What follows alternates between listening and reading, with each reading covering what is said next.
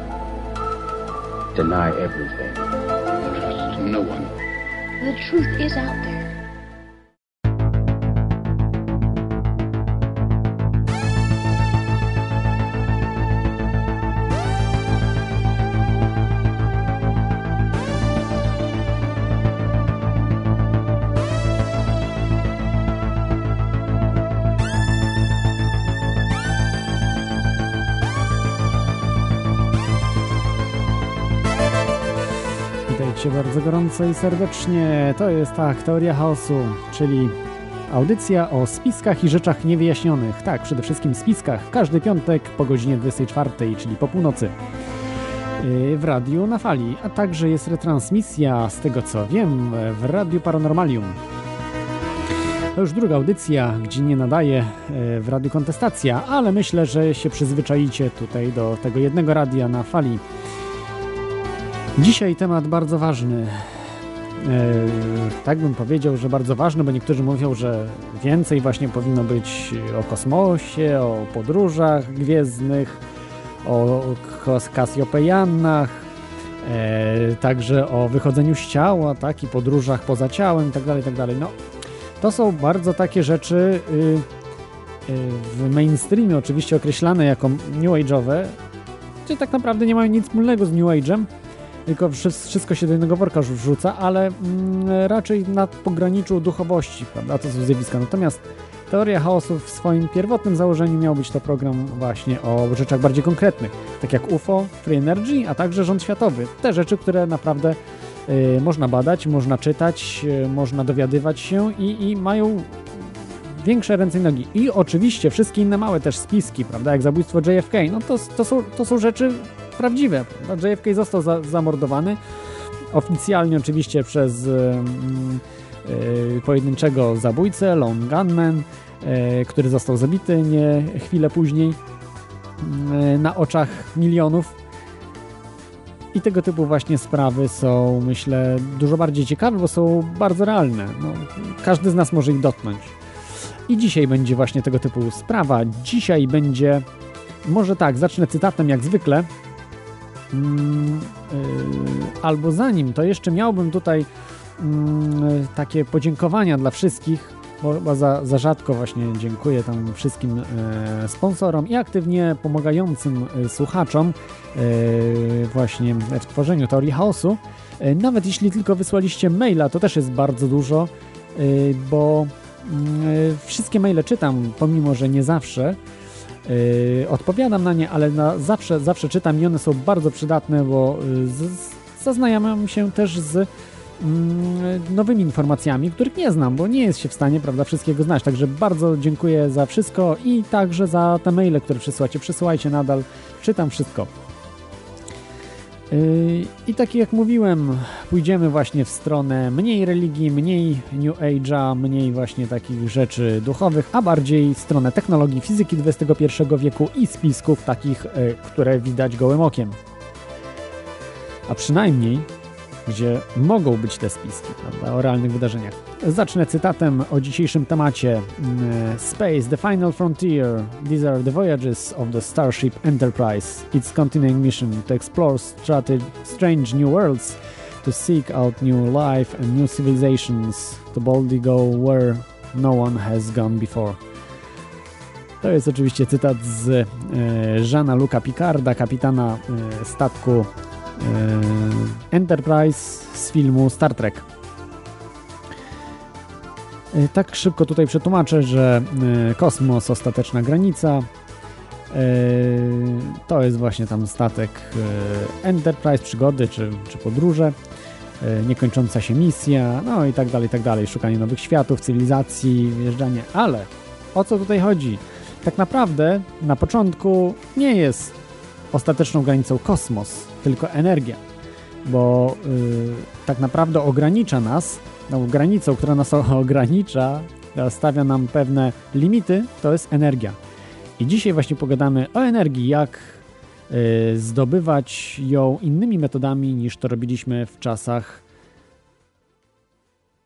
wcześniejszych. No, ciągle to robimy, prawda? Y, korzystamy z mm, y, paliw kopalnych głównie, także rzeczy, które no, technologicznie są zacofane w stosunku do tego, co powinniśmy już mieć. I Dzisiaj będzie właśnie mowa o Free Energy, już może nie pierwszy raz, ale mm, dzisiaj chciałbym powiedzieć, co się wydarzyło w 2011 roku. Oczywiście nie wszystko, tylko takie o podstawowych technologiach z 2011 roku, yy, które właśnie będą rzutowały na 2012 i przyszłe lata. Y, bo coraz więcej ludzi się tym tematem interesuje. Nie mówię o Polsce, ale ogólnie na świecie jest y, coraz większe zainteresowanie. O tym mówią wszyscy już teraz. NASA, mówią y, nobliści. Także mm, naprawdę dzieje się w tym temacie dużo, pomimo że nie ma w telewizji polskiej czy w polskich mediach w ogóle prawie nic o tym oprócz internetu. Ale za granicą jest, nawet, nawet w znanych telewizjach mainstreamowych. Tutaj też chciałbym powiedzieć, że Free Energy. To tylko tak na wstępie znowu e, wyjaśnię, że to jest e, wolna, darmowa energia, jest to termin dwuznaczny i oczywiście to nie jest w sensie, że darmowa, że za darmo, za, tylko że za ułamek e, kosztów, jakie ponosimy dzisiaj energia, bo to tak, tak jak Tesla kiedyś też, zresztą chyba po raz pierwszy, on jako jeden z pierwszych właśnie użył tego typu, że energia prawie za darmo, czy za darmo energia dla wszystkich, co się oczywiście jego mocodawcom, jego sponsorom nie spodobało, jego pracodawcom, e, raczej nie, nie tyle sponsorom, e, bo tak naprawdę oni na nim największe pieniądze zrobili, a nie on sam na sobie. Także to, to można powiedzieć, że on był ich sponsorem, bo y, on wynalazł te rzeczy, na których oni zrobili mili, miliony czy miliardy dolarów. No ale wtedy liczone miliony, dzisiaj to byłyby miliardy. Yy, zapomniałem, że możecie dzwonić. Na razie jeszcze niestety telefonu nie ma, ale w przyszłości na pewno będzie. Troszeczkę jeszcze ze sprzętem mam kłopotów, żeby to wszystko tutaj popodłączać. Już nie wiem ile czasu, ale e, dokupiłem też e, wczoraj. Nie udało mi się jeszcze go odpalić. E, kompresor, który będzie dużo lepiej tutaj zarządzał dźwiękiem.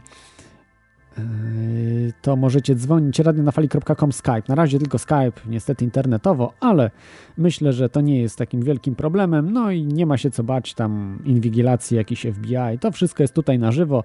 Yy, nie mamy tutaj nic sobie do ukrycia, więc jeśli chcecie jakoś inaczej, to lepiej mailem. Jakieś tajne informacje z czarnych budżetów, gdzieś tam z podziemi różnych.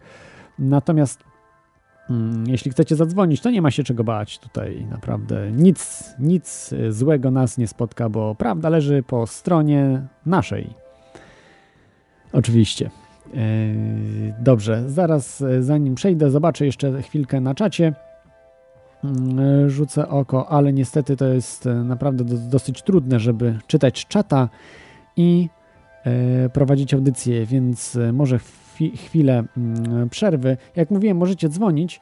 E, to może e, zapuszczę w tej chwili utwór, zanim przejdziemy do omówienia tych wszystkich technologii, które, mm, e, no, które rozpaliły 2011 rok.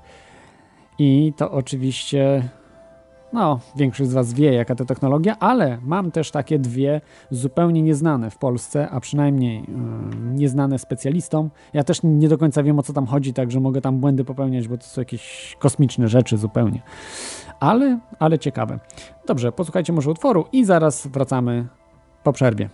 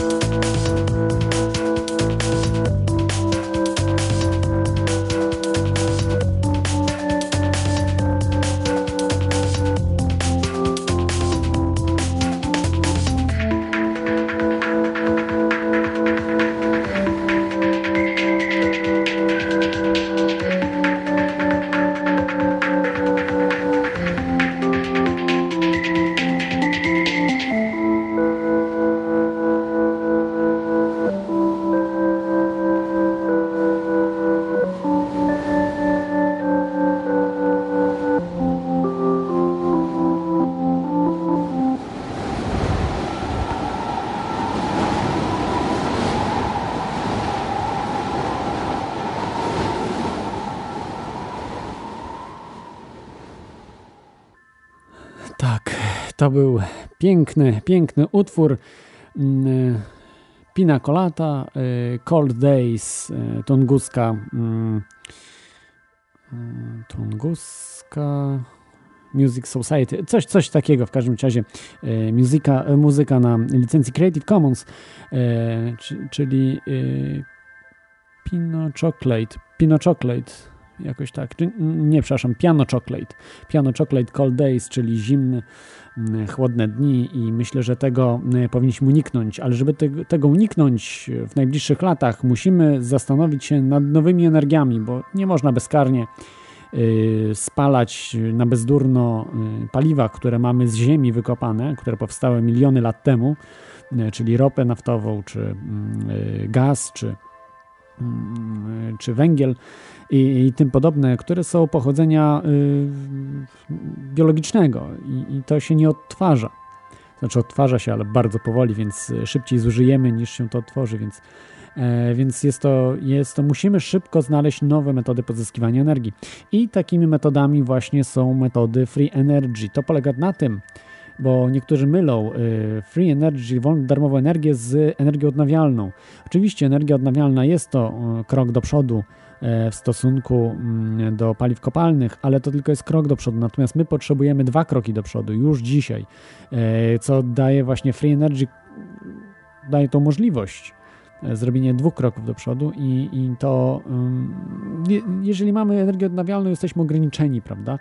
E, czy to mm, ograniczeni e, powietrzem, wodą, słońcem, prawda? Nie zawsze, czasami jesteśmy po, nie, nie świeci do nas bezpośrednio, tylko Ziemia zasłania, prawda? Znaczy Ziemia, no, reszta, reszta, część Ziemi zasłania nam słońce i, i, tej energii nam nie możemy odebrać, przekształcić na prąd elektryczny, czy też w jakichś kolektorach cieplnych.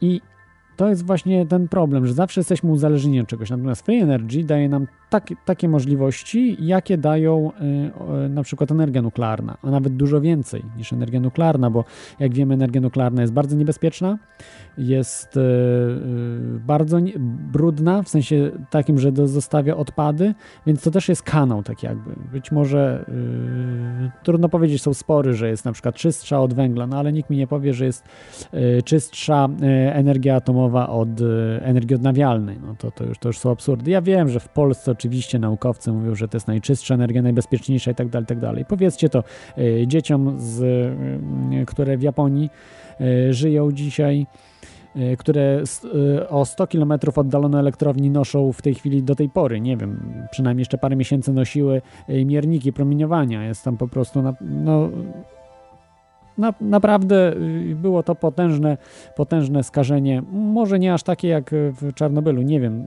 to trudno powiedzieć, bo to jest wszystko zatajane. Natomiast jest wielu naukowców, którzy są przerażeni tym, co tam się stało, i, i e, no, to była wielka nieodpowiedzialność po prostu, wielka nieodpowiedzialność to, co zrobili e, Japończycy. No, zakładając brak spisku, bo niektórzy zakładali, że tam ładunki nuklearne podłożyli yy, Amerykanie, czy tam Bóg wie kto, i, i odpalili je, y, z tego powstało tsunami. No ale to już zostawmy. To uważam, że y, nawet można y, wziąć pod uwagę, że naturalne zjawisko, co oczywiście gorzej świadczy o Japończykach, bo naturalne można w jakiś sposób przewidywać, bo ataków faktycznie, prawda, jakichś tam terrorystycznych, czy e, jakichś wywrotowych, no, jest dużo, dużo trudniej. E, tak, e, możecie dzwonić, jeszcze raz przypomnę, radionafali.com, a w tej chwili zaczniemy może od e, takiego e, numer jeden, e, żeby już Was nie trzymać tego, co się wydarzyło w 2011 roku y, i o czym żył świat, może niekoniecznie świat mainstreamowy, ten, który widzieliście, ale, ale duża część świata tym żyło i szczególnie także naukowcy e, bacznie to e, śledzili. Czyli mogę powiedzieć, że taką pierwszą sprawą to jest sprawa zimnej fuzji, która e, oczywiście powraca. Zimna fuzja zaczęła się w 1989 roku Mm, za sprawą y, dwóch naukowców, y, a mianowicie, mm, no w tej chwili tutaj nie mogę znaleźć, ale z pamięci będę wymieniał y, Stanleya Ponsa, o mam, i Martina Fleischmana. którzy, dwóch chemików, którzy stwierdzili, że zachodzą bardzo dziwne rzeczy w mm, katali... W, w, no nie wiem jak to określić, hydr hydrolizie, czy no po prostu próbowali robić takie doświadczenie na zasadzie Mm, licealnego czy, czy w szkole podstawowej doświadczenia rozbijania e, wody na wodór i tlen. Z tym, że oni mieli troszeczkę bardziej zaawansowany sprzęt i troszeczkę inne rzeczy, których my normalnie nie możemy mieć, bo mieli ciężką wodę, e, z, e, gdzie jest deuter zamiast wodoru w włączeniu, czyli dwie, dwie cząsteczki deuteru prawda, łączą się z, z tlenem. I Mm, mieli, tam chyba też tryt jest, ale mniejsza z tym, w każdym razie i mieli do tego e, paladowe, mm, to jest metal szlachetny, bardzo drogi, e, elektrody. I się wszystko właśnie zaczęło, że otrzymali dziwne produkty, jakieś neutrony, jakieś tam się zaczęły robić, hel się wytwarzać. No cuda nie widy. E, oczywiście ich wyśmiano, że to źle robili doświadczenie i tak dalej, tak dalej. Mm, nie wiem jak było. Y, wszystko wskazuje na to, o czym kiedyś obiecywałem, że zrobię taki dokładnie tylko i wyłącznie o zimnej fuzji odcinek y, jako, pod, jako podcast I, i myślę, że w tym roku to mi się uda, w zeszłym się nie udało. Okazuje się, że coś jest na rzeczy. Z tym, że mm, to doświadczenie y, Stanleya mm, Ponsa i Martina Fleischmana Y, miało wielką wadę, że nie potrafiło wyprodukować energii, czyli więcej trzeba było włożyć energii niż wyjąć z tego doświadczenia.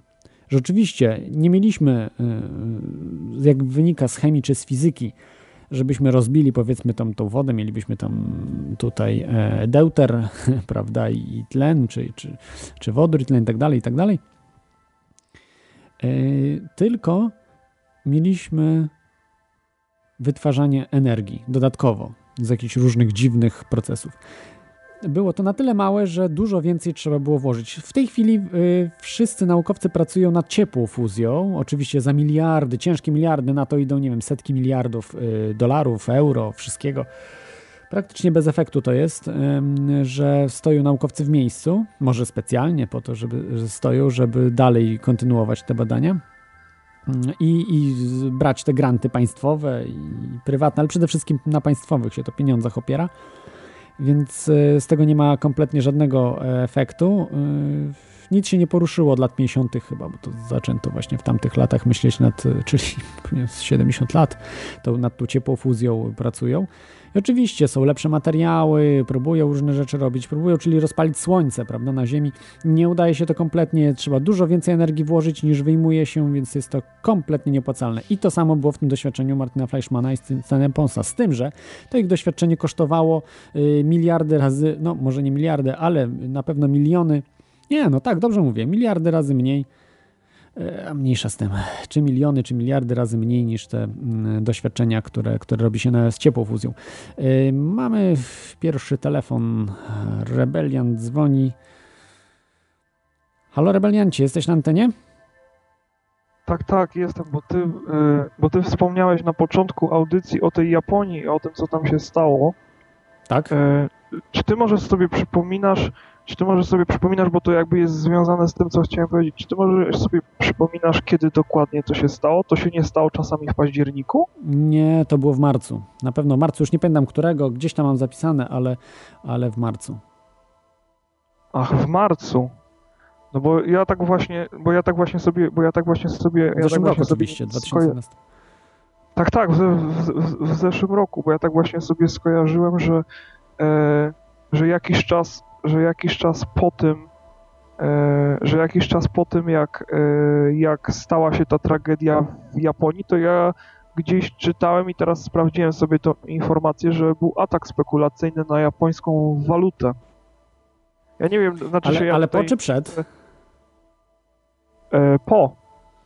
Aha tutaj nie chcę jakby... Ja no ale po, no to mogło, to już nie ma spisku tak? raczej, bo jakby było przed na przykład, to ja by było wiem, ciekawe. To, ja nie wiem, czy to nie ma spisku, ponieważ e, jak wiesz, Japonia jest bardzo mocno zadłużona, tak? Mhm. I tu chodzi o obsługę ich długu. Jeżeli jeżeli jen, jeżeli cena, jeżeli cena ich waluty idzie w górę, to oni mają olbrzymie problemy z obsługą swojego zadłużenia, tak? To jest podobna sytuacja, jak my mamy w Polsce, z tym, że oni ma, są zadłużeni bodaj na 250% PKB. Więc ja wcale tutaj, e, wcale tutaj bym nie był, wcale tutaj bym nie był taki daleki, że, e, że, że, że, że, to, co się, że to, co się u nich stało, jest całkowicie bez, e, jakby bez, bez wpływu na to, że ktoś mógł mieć na tym interes. A interes to na pewno. To, to na wojnie też każdy ma interes. 99% ludzi traci na wojnie, ale 1% zyskuje tych takich ohydnych ludzi. No ale tak już, tak już jest. W dzisiejszym świecie tego, tego nie zmienimy. Więc a e, słuchaj, powiedz może, co myślisz o tej e, free energy. E, czy słyszałeś o tym gdzieś, czy w mainstreamowych mediach, czy w ogóle w, w jakichś mediach o, o właśnie free energy, czyli wolnej, darmowej energii? Wiesz co, ja na temat, ja na temat dar, darmowej energii nie mogę wiele powiedzieć, ale kiedyś, kiedyś czytałem taką powiedzmy dywagację jednego z, e, z ekonomistów i on tam podawał on tam podawał jako przykład właśnie wolną, jako przykład właśnie wolną energię i ja po części muszę powiedzieć, że w dużej mierze się z nim zgadzam, że gdyby coś takiego było możliwe, e, to dla bardzo wielu ludzi i podejrzewam w konsekwencji także dla nas, czyli dla mnie i dla ciebie, e, to by było olbrzymim zagrożeniem, a to z tego powodu by było olbrzymim zagrożeniem, ponieważ e, wokół wydobycia tej energii, którą mamy obecnie, wokół jej przetwarzania i tak dalej, i tak dalej, e, pracuje mnóstwo ludzi, tak? To jest jakby cały ogromny przemysł, tak? No to teraz sobie, to, no to teraz sobie wyobraź, że nagle pojawia się jakiś geniusz, tak, i mimo różnych, e, mimo różnych prób zakneblowania mu ust, on pokazuje, e, on pokazuje jakiś po prostu, po, po, pokazuje światu jakiś swój projekt wolnej energii, który, czy nie wolnej energii, tylko generatora wolnej energii, który rzeczywiście działa, ale w jakiejś tam małej skali, tak? No to wiesz, no to, to, by mogło, to, to by mogło doprowadzić do takiego kryzysu finansowego, jakiego jeszcze nie mieliśmy w historii. Nie, nie ja, w to, ja, ja w to nie wierzę, bo to jest um, laborystyczna chyba teoria y, pieniądza, tak, y, o, o, czym ty mówisz. Nie chcę tu się tam y, w to, bo nie jestem ekonomistą, nie znam się na tym, ale, ale z tego, co y, rozmawiałem z ekonomistami, to oni tak uważają, że tak jak roboty, prawda? Mówiło się, że jak roboty, to nie będzie pracy, to ludzie umrą z głodu, nie będzie chleba i tak dalej, prawda? Zobacz dzisiaj. Dzisiaj już na przykład w fabrykach nie pracujemy, tylko maszyny robią automaty. No nie roboty jeszcze, ale automaty. I y, jakość tej pracy y, nie jest dużo mniej niż kiedyś, prawda?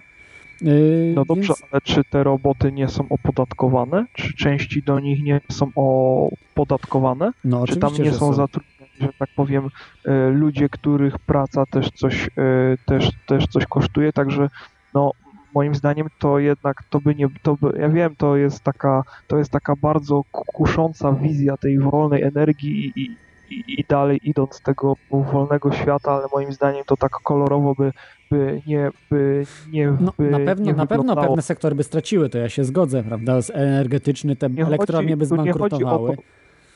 Tu nie chodzi o to, tu nie chodzi o to, że pewne sektory by straciły. Tu chodzi o to, że, e, że powiedzmy teraz, tak? Teraz, gdy mamy do czynienia, e, gdy mamy do czynienia z pozyskaniem jakichś źródeł energii, no to za tym idą potężne koszta, tak? Bo to są tam koszta wydobycia, koszta przetworzenia i tak dalej, i tak dalej. A gdyby to jakby to jakby to, że za tym idą jakieś, że za tym idą jakieś koszta, także koszta ludzkiej pracy, tak? No to to jest takim hamulcem nawet, e, nawet, dla, nawet dla rządzących, tak? Żeby, żeby te, te podatki, żeby one były no, jakieś tam powiedzmy w granicach pewnego rozsądku, tak? A teraz sobie wyobraź coś, co jest bardzo nisko kosztochłonne i jednocześnie daje olbrzymie zyski. To ja sobie nie wyobrażam, jaki tam by był podatek narzucony to byśmy mieli do czynienia z taką falą po, populizmu, że to w ogóle by nie była wolna, wo, wo, wolna e, e, e energia. No nie, no tak nie, da się, nie, da się, nie da się tego raczej, jakby to już wyszło i poszło po prostu, to by zmiotło y, dużą część y, czy rządów, czy po prostu jakichś takich bardzo etatystycznych rządów e, zamordystycznych, bo y, no, energia jest podstawą i nie da się wszystkiego kontrolować. Nie możesz kontrolować u każdego w domu, prawda? No zobacz, do, nawet za czasów okupacji y, ludzie robili bimber, prawda? Za czasów komunistycznych też bimber robili, gdzie, gdzie za to groziło więzienie ciężkie i, i no kara śmierci nie, ale, ale ciężkie więzienie za, za No produkcję dobrze, bimberu, ale dzisiaj, ale dzisiaj również, ale dzisiaj również przecież ci ludzie mogą, ci ludzie mogą to robić, a jednak prawo tego zakazuje i większość ludzi się tego trzyma, tak? Są oczywiście jakieś Nie, tam nie większość. To, to du, duża część produkuje bimber, także szczególnie jeżeli Ja ktoś ma warunki. No bo w tak- bloku to trudno robić, to ja się zgodzę, ale jeżeli ktoś na wsiach, no to większość robi także. Także y, No to... tak, ale oni to robią, prawda, na, na, na, na, na własny użytek, A tak? Różnie, a różnie, różnie. No, No ja nie wiem, no sprzedają ale w to tysiącach, jest... ale tak. Okej. to y, procent mhm. społeczeństwa? To jest 3%, 4%, no Nie, może chyba więcej. 5%. No nie tak? wiem, dobrze, nie, nie, chcę, nie chcę, bo nie wiem dokładnie ile jest. Dobrze, dzie dzięki Ci za ten telefon, bo musimy lecieć z... Zadzwoń Okej. jeszcze później, jak jeszcze będziesz e, chciał właśnie coś, coś dodać. Okej, Dzięki, dzięki Ci, rebeliancie. E, mamy kolejny od razu telefon. Słuchamy Krawca. Dobry wieczór, dobry Witaj- wieczór, witaj, witam. Witaj Krawcze. E, A Ty co sądzisz o Free Energy? No, free energy to przede wszystkim słońce. Dla mnie, tak sobie to jakoś imaginuję i od razu przed oczyma staje mi nasze słońce tutaj, czyli Donald, słońce Peru, słoneczny czarodziej. Tak się zastanawiam właśnie, że słońce jak przygasa, bo Donald, no nie ukrywajmy, zaczyna już gasnąć powoli, to, jest, to już jest ostatnia kadencja, na którą może liczyć na 100%. Wiadomo więc, że Donald gaśnie a Słońce, jak, jak już tak gaśnie całkiem, to jeszcze wybucha, supernowa jest, tak? Yy, podobno, ale chyba Słońce nie może być supernową, bo to musi być większa gwiazda, masywniejsza, jakaś potężniejsza. Słońce za słabe. Czyli ktoś, kto mógłby stać za, za Donaldem. Ja, y, masywniejszy. Y, ja tutaj widzę, że są trzy powody jakby, y, przy których właśnie powstaje ta supermona. Supernowa. Istnieją dwie, e, czy dwie możliwe drogi do takiego wybuchu. W jądrze masywnej gwiazdy przestały zachodzić reakcje termojądrowe i pozbawiona ciśnienia promieniowania Gwiazda zaczyna zapadać się pod własnym ciężarem, czyli widzisz, tutaj Donald jakby już y, więcej nie osiągnie. On już jest, y, wszyscy go znają, wszyscy już mają o nim takie zdanie, jakie mają, to on już się zapada pod własnym ciężarem i pozbawiony jest y, ciśnienia też, bo już nie ma takiego ciśnienia na napięcie się w górę, na władzę, na to, że go, żeby go ktoś tam lubił. Donald gaśnie. Mogą być- inne powody i ja ostrzegam przed tym wybuchem super, supernowej, w ogóle przed coś się na słońcu supernową. dzieje. Krawcze, jeżeli byłby supernową, to nie wiem, czy wiesz, że z, z niego by się zrobił diament. To jest niemożliwe. On nie jest żadną supernową. On jest po prostu y, zwykłym słońcem Peru, które jest naprawdę bardzo słabe. Y, to jest z rzędu takiej gwiazdy, dużo słabszej nawet od chyba naszego Słońca, ale nawet powiedzmy, więc y, on skończy czarnym, jako czarny karzeł. Czarny. Aha, Szatan. czarny karzeł. Szatanista. Karzeł. Tak, tak mi No, się wydaje, że skończy. Więc nie będzie żadnym diamentem, bo właśnie te supernowe, y, ich finalnym stadium jest y, diament, czy coś takiego. Czy może nie, nie, nie tyle diament, ale, ale coś takiego słyszałem, że jest po prostu takie ciśnienie, że, że zamienia to się w mm, y, puls, pulsar chyba. Pulsar albo, albo y, się to nazywa. Mm, kurczę, nie pamiętam jak. Taka bardzo ciężka gwiazda, bardzo mała. Y, wtedy. No, No, no zobaczymy, a, albo, albo, jakiegoś. albo będzie karzeł, albo będzie, albo wybuchnie i powstanie mgławica, taka szara mgławica ciemnych sprawek e, po Donaldzie, ale to jak będzie właśnie wybuch, jak, jak będzie fala e, uderzeniowa, to różnie może być, zobaczymy. A ja widzę też jeszcze jedną rzecz związaną e, też z tą aktywnością Słońca, e, zwiększającą się bardzo, że wszyscy specjaliści od e, różnych niezwykłych zjawisk, goście z siódmej gęstości, czaramarnicy, magowie, jak zwał, tak zwał, dostali nagle teraz takiego, takiego no powera i wszyscy dwa razy głośniej krzyczą, że coś się dzieje i sam ten fakt, że s- no tak statystycznie to, że oni wszyscy krzyczą, że coś się dzieje, powinno dać też do myślenia nawet tym, którzy myślą, że nic się nie dzieje, którzy twierdzą, że nic się nie dzieje i że chyba faktycznie coś się dzieje, skoro wszyscy krzyczą, że coś się dzieje. Za ciężka dla, na moją głowę filozofia. JFK mówi na czacie, że to jest gwiazda neutronowa właśnie, która się zamienia czy tam w, w, w ten diament, czy coś takiego, no, że ten węgiel się tak ściska, że e, jest bardzo masywna, bardzo, bardzo gęsta, także w to nie może się zamienić. I jeszcze jakby była większa gwiazda, tam super, super, hipernowa, to zamienia się w czarną dziurę ale to chyba raczej nie jest czarna dziura, to po prostu wszystko zasysa, a myślę, że w, po prostu w czarnego karła się zamieni, czyli w to, y, czym jest e, generalnie dzisiaj pan premier Tusk. Ale dobrze, może zostawmy politykę. Y, tak troszeczkę uciekłeś od tego pytania, ale może chciałbyś jeszcze coś, coś powiedzieć, bo będę ciebie zaraz rzucał, bo muszę lecieć z tematem, bo sporo jeszcze rzeczy do powiedzenia. Nie, nie, nie. Ja właśnie się zajmuję zawsze tylko uciekaniem od, od, yy, od pytań, przytaczaniem jakichś swoich y, głupawych odpowiedzi niezwiązanych z tematem, więc ja będę się raczej zmywał już i słuchał z wypiekami na twarzy dalszej części teorii chaosu. Dobrze, dzięki Krawcze, jak zwykle wesoło, także yy, trzymaj się i buduj Free Energy, różne silniki. No, no, też się nie puszczaj, cześć. Miejmy nadzieję, że krawiec coś następnym razem nam pokaże. Mm, e, może jakiś silnik Free Energy, ale oczywiście to jest żart e, niesympatyczny, bo e, no, nie jest to proste. W Polsce generalnie nie poznałem nikogo, kto miał, byłby w stanie zbudować tego typu urządzenie, którym określamy Free Energy. Niektórzy próbowali, poznałem też takich ludzi, którzy próbowali. Naprawdę wiedzę mieli niesamowitą, większą niż profesorowie na uczelniach, jeśli chodzi o inżynierię, bo tak naprawdę do budowania tego nie jest potrzebna wiedza książkowa, tylko wiedza y, praktyczna. Jak to zbudować, prawda? Y, trzeba podejść do tego, jak Tesla podchodził. O, mamy kolejny telefon. Widzę, że nie nadążam z, y, z dalej z, z tematem. Y, jest z nami Oskar. Halo Oskarze, strasznie szumisz. No sorry, ale niestety jestem w pracy. Ja chciałem tylko powiedzieć jedno, że się nie zgadzam zupełnie z kolegą, który mówił, że e, energia darmowa jakby była, to by e, zniszczyła gospodarkę. To jest bzdura totalna. E, myślę, że to by dało ogromny napęd gospodarce, która w tym momencie jest hamowana przez to właśnie, że energia jest droga. No i to chyba tylko tyle chciałem powiedzieć, bo nie mam za bardzo warunków, żeby mówić coś więcej. Mhm. No i pracujesz, to pracuj dalej, pracuj dalej, a nie, a nie tutaj słuchaj radia. Znaczy moż, możesz słuchać, tak, ale, ale trzeba dalej pracować, ciężko w pocie czoła. No. Halo?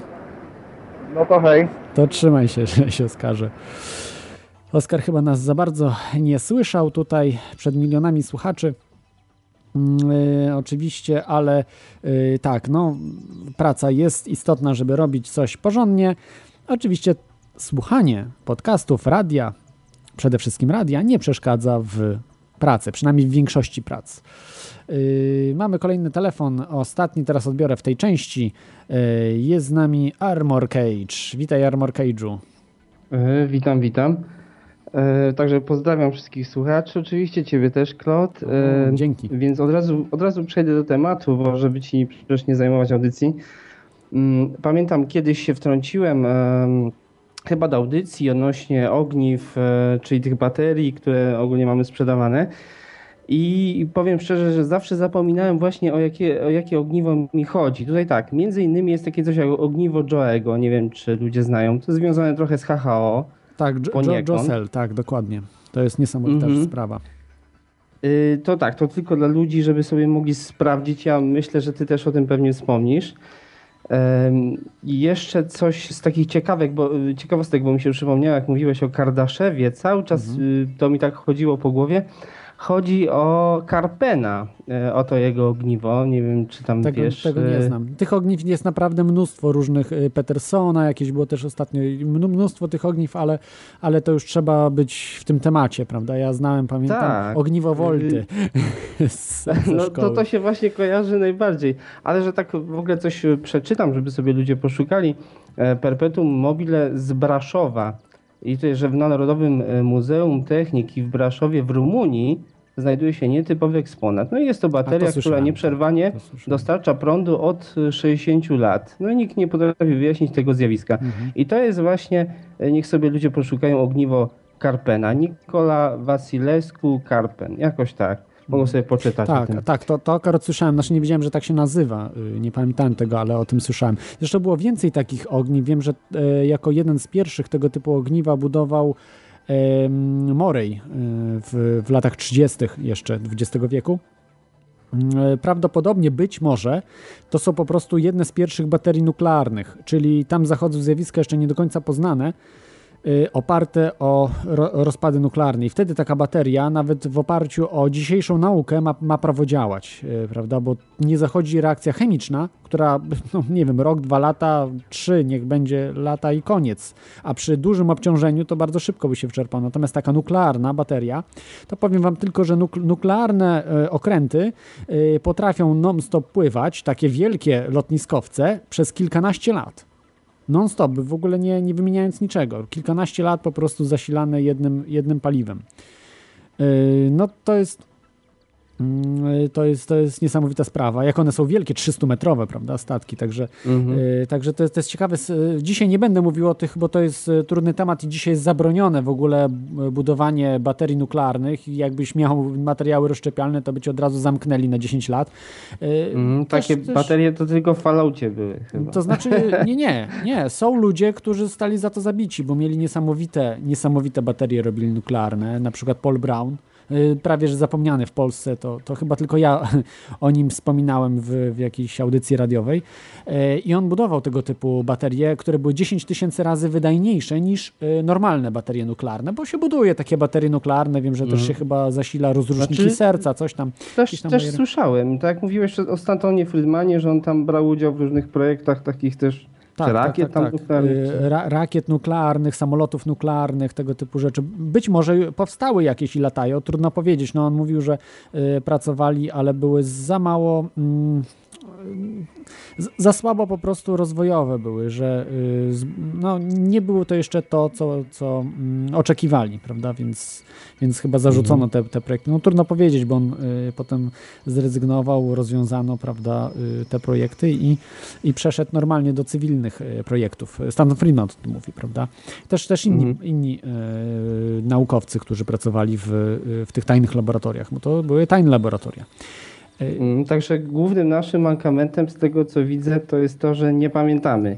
E, bo tak jak ty mówisz, tak samo ja na przykład takie ogniwo e, Karpena, to też nie potrafiłem sobie przypomnieć tak naprawdę czyje, gdzie i jak się nazywa, ale jest strasznie ciężko coś takiego w ogóle na Google czy gdziekolwiek znaleźć, nie? To trzeba mhm. konkretnie wiedzieć, czego się szuka. Tak, to znaczy są inaczej... strony, wiesz, takie, które grupują te mhm. rzeczy i tam można sobie zobaczyć, że wchodzisz w baterie nuklearne, jest taka, e, tu wam od razu powiem, z której ja czerpię wiedzę na temat Free Energy, jest najlepszy portal, to jest peswiki.com.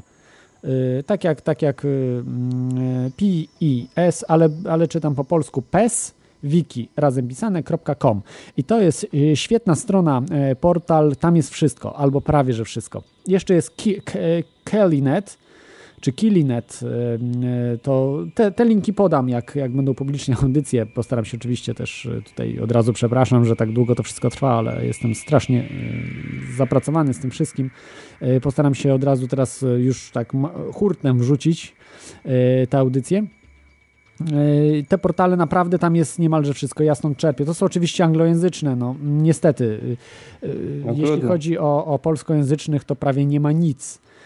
Więc i to są, i nawet jeśli są, to są tak żenująco słabe, że, że, że no dobrze, że są, bo są niektóre, ale ich jest naprawdę bardzo mało. Mhm. Natomiast na tych zagranicznych są tak potężne, że zabrakłoby życia jednemu człowiekowi, żeby zgłębić materiały, które tam są. No to, to jest tematu. w takim razie nisza, którą też możemy się zająć, nie? Jako Polacy. Oczywiście, no nie, nie jest, tylko że nie jest to takie proste, żeby budować te urządzenia, bo to, to się tak wydaje, że my naprawdę mieć niesamowitą wiedzę, żeby takie baterie nuklearne robić. E, a poza tym to jest zabronione. W Polsce lepiej nie róbcie, bo was zamkną, więc wyjedźcie sobie do jakiegoś bezpieczniejszego kraju, gdzie, gdzie jest to, to dozwolone. Raczej to kraje takie, mm, no nie wiem, nie wiem gdzie to zresztą można robić, może gdzieś na Cyprze. E, tam raczej, raczej tego typu, ale, ale w Polsce A, nawet, nawet nie mm. próbujcie, bo wiem, że ktoś próbował tylko jakiś uran kupować, to od razu go zamknęli i do tej pory nie wiem, czy się wykaraskał z tego. A tylko kupił no jakąś rudę uranową ze Stanów, bo w Stanach była legalna, ale okazuje się, że w Polsce nie była i go od razu ciachnęli, e, zatrzymali i jako terrorysta chyba traktowany, także no, no absurdy, absurdy, więc... No ale co poradzisz? A jeżeli chodzi o te o rozpad na przykład taki atomowy, to przynajmniej mnie jak uczono jeszcze jakiś czas temu, to fizycy i ogólnie nasza ta społeczność naukowa nie potrafi wyjaśnić, dlaczego akurat te i te atomy się rozpadają w tym rozpadzie połowicznym, a inne nie. To są już, to nie na tą audycję, to są już tematy naukowe, popularno-naukowe, więc to są bardzo skomplikowane rzeczy. Wiem, że w Polsce w tej chwili Marzy mi się, żeby też, y, czy w Radiu na Fali, czy w jakichś innych radiach tego typu, mniszowych radiach powstały fajne programy popularno-naukowe, takie jakie mamy w Stanach, czy jako podcasty, bo w Polsce naprawdę są na tak żenująco niskim poziomie robione te programy popularno-naukowe w radiach, że no, jak chcecie to męczyć się, to sobie posłuchajcie. Natomiast e, jeżeli chcecie dobre rzeczy słuchać, to niestety polecam zagraniczne. Czy telewizyjne. No to, to jest chyba celowe czy... działanie, wiesz, Klot. No, sam chyba zresztą zauważasz, bo przecież wypiera się te wszystkie w miarę sensowne programy, które były nawet 10 lat temu, Na, czy 15. Nawet telewizja edukacyjna, e, bo jakieś nawet, jakie tak, były, to tak. były, ale były. I to wszystko zniknęło, chyba nie ma nic już w tej chwili. No ważniejsze rzeczy są na przykład plebania albo nie, tego typu rzeczy. Ale to prawda? jest dziwne, bo przecież te programy za granicą są nawet w takim, w takim kraiku, jakim jest Irlandia, to jest, to jest śmieszny kraik mały. Y, mieszkańców ma y, cały kraj trochę więcej niż Warszawa z okolicami, y, no to, to po prostu są tego typu rzeczy. Oczywiście też jest dużo, dużo dziadowskich różnych rzeczy, ale tylko, że oni są anglojęzyczni, więc im wystarcza, prawda, jakieś BBC też sobie słuchają, oglądają, też jakieś zagraniczne, anglojęzyczne i to wszystko sobie mogą, mogą słuchać, więc konkurencję mają wielką. E, taka Irlandia, prawda? Więc, więc mhm. oni nie potrzebują mieć w, w, programie aż tylu, aż tylu programów edukacyjnych, ale i tak mają więcej niż w polskiej telewizji, także czy, czy radiu. Bo sam nawet słuchałem historyczne, nawet jakieś, jakieś e, audycje czy coś. E, w, w, komercyjnych radiach są, są naprawdę dużo lepsze audycje niż w polskich publicznych, w publicznym radiu. Ale dobra, zostawmy okay. może ten temat. Także nie wiem, czy jeszcze chciałbyś coś dodać o Free Energy? Nie, nie, nie, już nie będę mhm. ci audycji przecież zajmował. E, chyba, że coś mi się przypomni, to Dobra, najwyżej to przedzwonię. Jeszcze, jeszcze ale... Bardzo ciekawy temat z tymi bateriami. Niestety dzisiaj nie będę, e, nie mam na ten temat materiałów żadnych, bo to o innych e, chciałem powiedzieć. Mhm. Natomiast to jest ten Josel, no to można powiedzieć, ale nie, wie, nie wiadomo, czy to do końca ogniwo jest. Tam zachodzą właśnie dziwne zjawiska, jakaś plazma się tworzy, jakieś... jakieś mm, znaczy, coś, coś przeglądałem rzeczywiście, ale mhm. jako ogniwo gdzieś tam nie robiłeś tego ogniwa, nie próbowałeś no. robić. Ale, ale nic, jakichś takich badań, czy czegoś, czegoś to, to nie, niestety, no przykro mi. Auta też nie mam, HHO sobie nie zainstaluję, to nie, nie przyjedziesz do mnie, nie nagrasz, no przykro mi.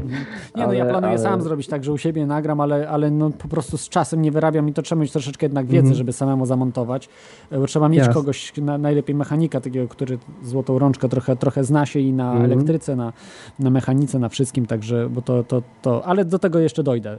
Y, z Jak ja wszystkim. w ogóle mówię komuś ze znajomych, że w ogóle, że jest to z wody i wodą, zresztą no, można sobie nawet poszukać tak, rzeczywiście tak, tak. na tym Foxie. Mhm, no, są, są konkretne filmy, jak gościu to pokazuje, że to rzeczywiście pali się woda i, i normalnie w tej wizji było, tylko że no, u nas na TVN o tym nie powiedzieli, no to no jak to może istnieć, nie? No, no ale dobra. Dobrze, to ja już Ci już nie, prze, nie przerywam. Dzięki. E, pozdrawiam wszystkich słuchaczy, pozdrawiam Ciebie, no i mhm. cześć. Okej, okay, dzięki. E, dzięki, to był Armor Cage. No i mamy jeszcze ostatni, teraz już, już mówię cały czas ostatni, ale dobrze, niech będzie ostatni teraz e, w tej części, zanim jeszcze przejdę do, do dalszej części omawiania tych rzeczy, które były w 2011 roku. Z nami jest Robert Podcaster. Robert Kessling, dzień dobry, witam. Dzień dobry, dobry wieczór. Właściwie zależy, czy ktoś tego słucha teraz e, w nocy, czy będzie tego słuchał e, kiedyś sobie na słuchawkach, idąc na spacerze e, któregoś tam dnia, mm, a więc odsłuchując podcastu. Moje takie zdanie troszeczkę może obok tematu, ale kiedyś byłem zainteresowany, aby stworzyć nie tyle free energy jakieś tam, a po prostu wykorzystać naturalne, naturalną siłę, którą daje nam przyroda, a więc y, rzekę, y, gdzie można by zastosować agregator i mieć własny prąd, pozyskując go po prostu z nurtu rzeki. Okazuje się, że w Polsce to wcale nie jest takie proste.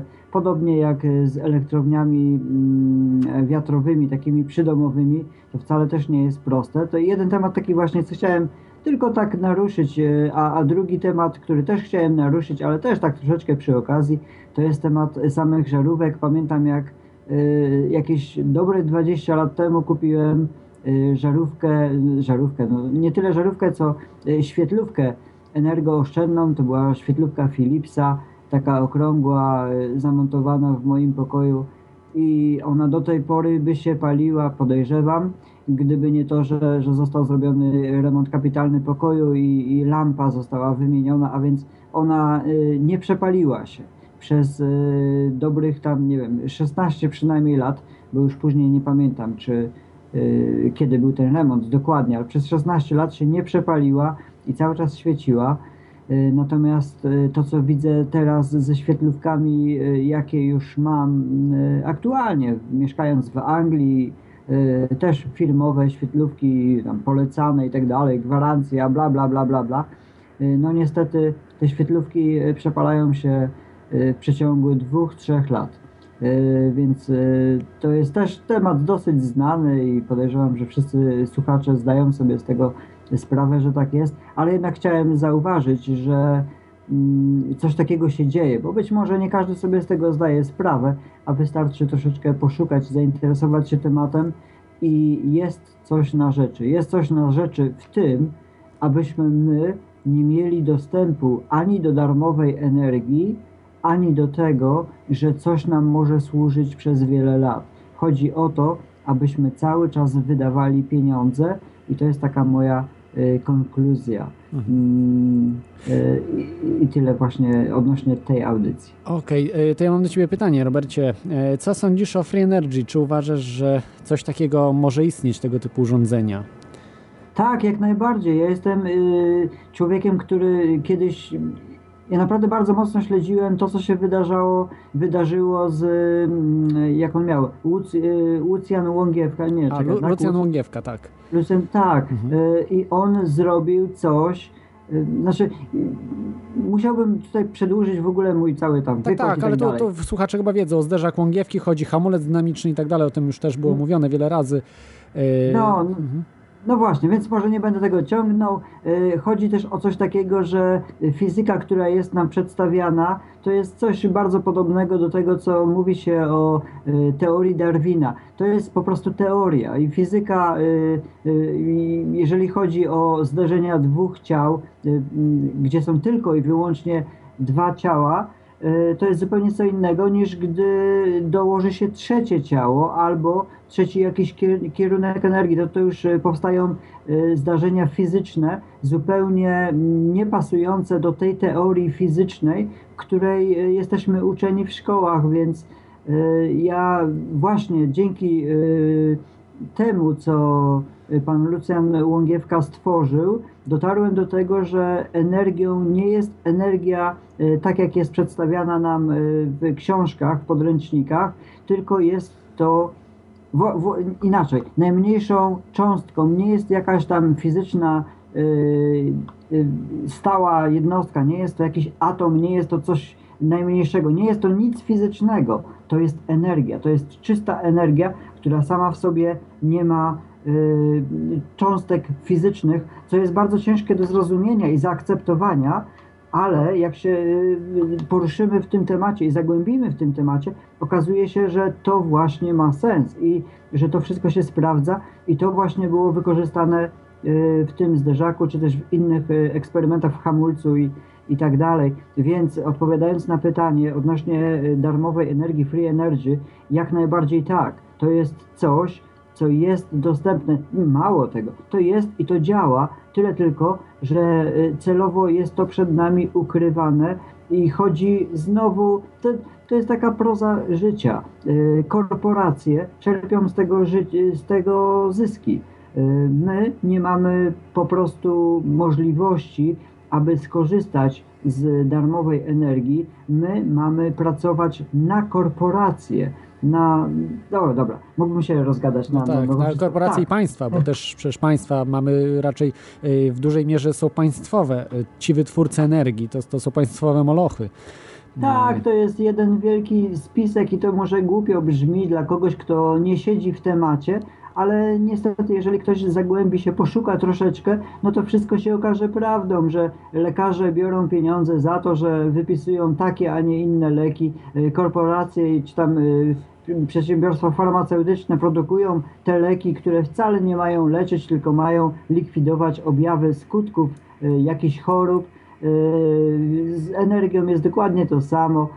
To wszystko jest taki bardzo dobrze kontrolowany spisek ludzi na samej górze, gdzie wiadomo, że jest tego, na, nie wiem, no kilkanaście, maksymalnie kilkadziesiąt tylko osób, które tym wszystkim kierują. To, to naprawdę się układa w jedną wielką całość. Natomiast technologia i na, nawet nasz zdrowy rozsądek podpowiada, że skoro rozwój mm, technologiczny i to wszystko, co się wydarzyło na przestrzeni ostatnich 10-20 lat, tak daleko y, zostały mm, posunięte i, tyle się wydarzyło w miniaturyzacji i tak dalej, to dlaczego my nie mamy efektów y, innego rodzaju? Jeszcze pamiętam, jestem osobą starszej daty, pamiętam, zafascynowany byłem programem Sonda w telewizji puszczany. Chyba jak każdy, jak każdy to no, może daty. Młodsze, może, może, może młodsze osoby nie, nie pamiętają yy, pana Zdzisława yy, Kamińskiego i tak, i ojejka, teraz się zamotałem. Andrzeja Kurka.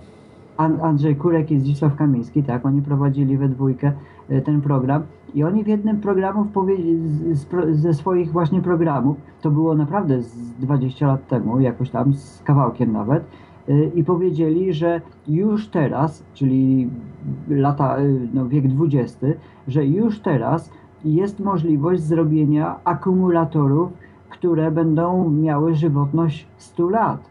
Y, o, właśnie, i teraz w tym momencie mam kolejny dowód na to, że jest to kontrolowany jakiś tam spisek producentów, spisek po to, abyśmy my wydawali pieniądze.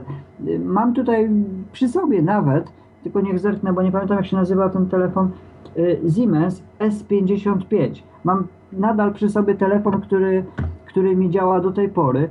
Y, on ma już ponad 10 lat i y, cały czas mam oryginalną baterię w tym telefonie, która nadal działa i którą muszę ładować raz na jakieś 2-3 tygodnie.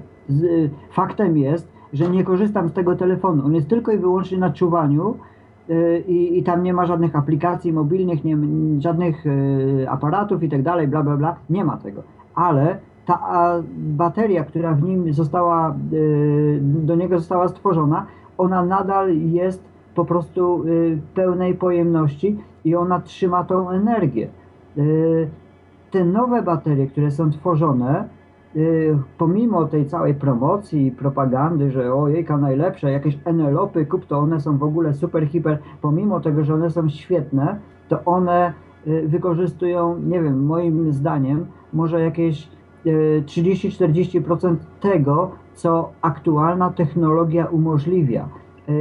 Wracając znowu do sondy, Y, wówczas y, Kurek i Kamiński powiedzieli, że były już wtedy była możliwość stworzenia akumulatorów takich właśnie, które by trzymały 100 lat y, energię w sobie. Dlaczego to nie zostało stworzone? Dlaczego to nie weszło do produkcji? Odpowiedź bardzo prosta. Tylko i wyłącznie dlatego, dlaczego my musimy kupować żarówki, bo Unia Europejska sobie tam wymyśliła, że mają być takie żarówki, inne żarówki, tych nie wolno kupować, tamtych nie wolno. Chodzi o to, żebyśmy non-stop wydawali pieniądze. I, I to jest jedyna odpowiedź. Tak, ja tu się zgodzę w 100%, że yy, niestety, niestety taka, taka smutna rzeczywistość, że tak jest, ale yy, tutaj się nie zgodzę, że powstają właśnie te rzeczy i ludzie cały czas yy, robią to, że no, po prostu tego nie widać. Nie widać w Polsce, w mediach tego kompletnie nie ma. Za granicą troszkę jest na ten temat, nawet w mainstreamowych telewizjach od czasu do czasu gdzieś pokażą jakiegoś gościa, który jeździ na wodzie, na przykład samochodem. Tak, na wodzie, nie na wodorze, bo wszyscy mówią, mówię, na, na wodorze chyba coś się pomyliło. Nie, na wodzie. W wodzie naprawdę jest mnóstwo energii, ale o tym y, jeszcze będziemy dzisiaj rozmawiali. Tak, tak, tak. Pojawiają się non-stop właśnie takie rzeczy i, i to właśnie, co jest ciekawe, to dokładnie powtórzę to, co właściwie ty powiedziałeś, że y, pojawiają się te rzeczy w szerokim świecie. Nigdy w Polsce. No dlaczego nie w Polsce? No, Właśnie tego nie rozumiem. Łągiewka się pojawił w Polsce, ale go zniszczono kompletnie, a naukowiec, który mu pomaga do dzisiaj, też został zniszczony. Chciano go w ogóle zabrać mu profesurę, temu naukowcowi, który się wstawił za Łągiewką. Jedyny, yy, czy praktycznie jedyny, bo jeszcze tam z niższymi rangami, ale jedyny chyba profesor. Chciano wyrzucić go z uczelni, chciano w ogóle, szkalują go do dzisiaj po prostu. Jest, jest tak niebywały po prostu e, e, nagonka na, na Lucjana Łągiewka. Przecież on wygrywa nagrody największe, na największych. E, jemu e, Komitet Noblowski, na, naukowcy, którzy siedzą w Komitecie Noblowskim, gratulowali e, Łągiewce. No przecież, przecież tam jest... nawet, nawet wojsko polskie weszło i zarekwe, zarekwirowało tak. jemu jego własne rzeczy. No, to jest nie do pomyślenia to właśnie jest dziwne, czy po prostu na wniosek koncernów jakichś samochodowych, czy tam jakichś korporacji, czy po prostu sami chcieli skorzystać z tej wiedzy, bo to jest zaskakujące. Raczej chyba to pierwsze, bo wojsko chyba polskie jest zbyt cienkie, żeby to rozwinąć, no bo jak widać, że chyba nic nie rozwinęli, bo wiem, że mu zwrócili. Już e, z tego, co słyszałem, to wojsko zwróciło mu poprzez jakiś tam, podobno wiz do Izraela to sprzedano, yy, czyli, czyli jakiś absurd jest kompletny, że gdzieś z Izraela musieli, że w Izraelu już były te urządzenia. Te, to, znaczy, wiesz, no y, nie róbmy tutaj tutaj z kolei z Łągiewki jakiegoś Boga, bo y, jest masa, przepraszam, jest masa fizyków, y, która doskonale zdaje sobie sprawę z tego, co Łągiewka odkrył. I Ale oni... czemu tego nie robią? To, to, to y, ja się nie zgadzam z tym, że jest masa. To... Znaczy, no masa, no są ludzie, są w każdym razie ludzie, więc jeżeli jest jeden, to jest i drugi. I biorąc pod uwagę, jak wielu ze szkół z uczelni wychodzi fizyków, y, chemików i w ogóle naukowców różnego rodzaju, to jest ich naprawdę masa, z tym, że y, no nie mówmy tutaj o tych najbardziej znanych, bo, bo, tych, bo, bo nie ma czegoś takiego jak znani naukowcy, ale jest ich masa. Tyle tylko, że oni nie potrafią się gdzieś tam przebić przez, y, przez te media. W każdym razie o co mi chodzi? Oni są w stanie zrozumieć fizykę, która nie jest oparta na jakimś Newtonie, tylko jest oparta na nowych teoriach, na nowych odkryciach, między innymi właśnie dzięki naszemu polskiemu naukowcowi. I e, ci nowi e, naukowcy mają świadomość tego, że to jest możliwe, że to działa. Zresztą to, że, że to działa, to,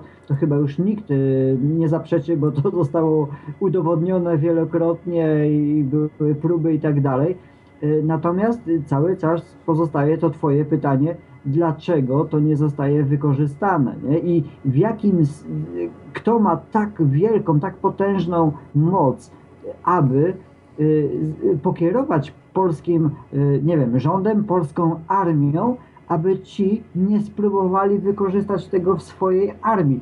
Kto ma taką moc, aby Ameryka tego nie wykorzystała? Być może, że oni to wykorzystują, gdzieś tam potajemnie. Ameryka, tak, znaczy... Ameryka, bo Polska to nie wierzy, że wykorzystuje, bo my, jeżeli jesteśmy po prostu zacieńcy, jeśli chodzi o, mówię o Polsce teraz, y, także to nie ma szans. Natomiast Ameryka bo znam po prostu ludzi, którzy znają akurat, y, tak jak na przykład Janusza Zagórskiego znam.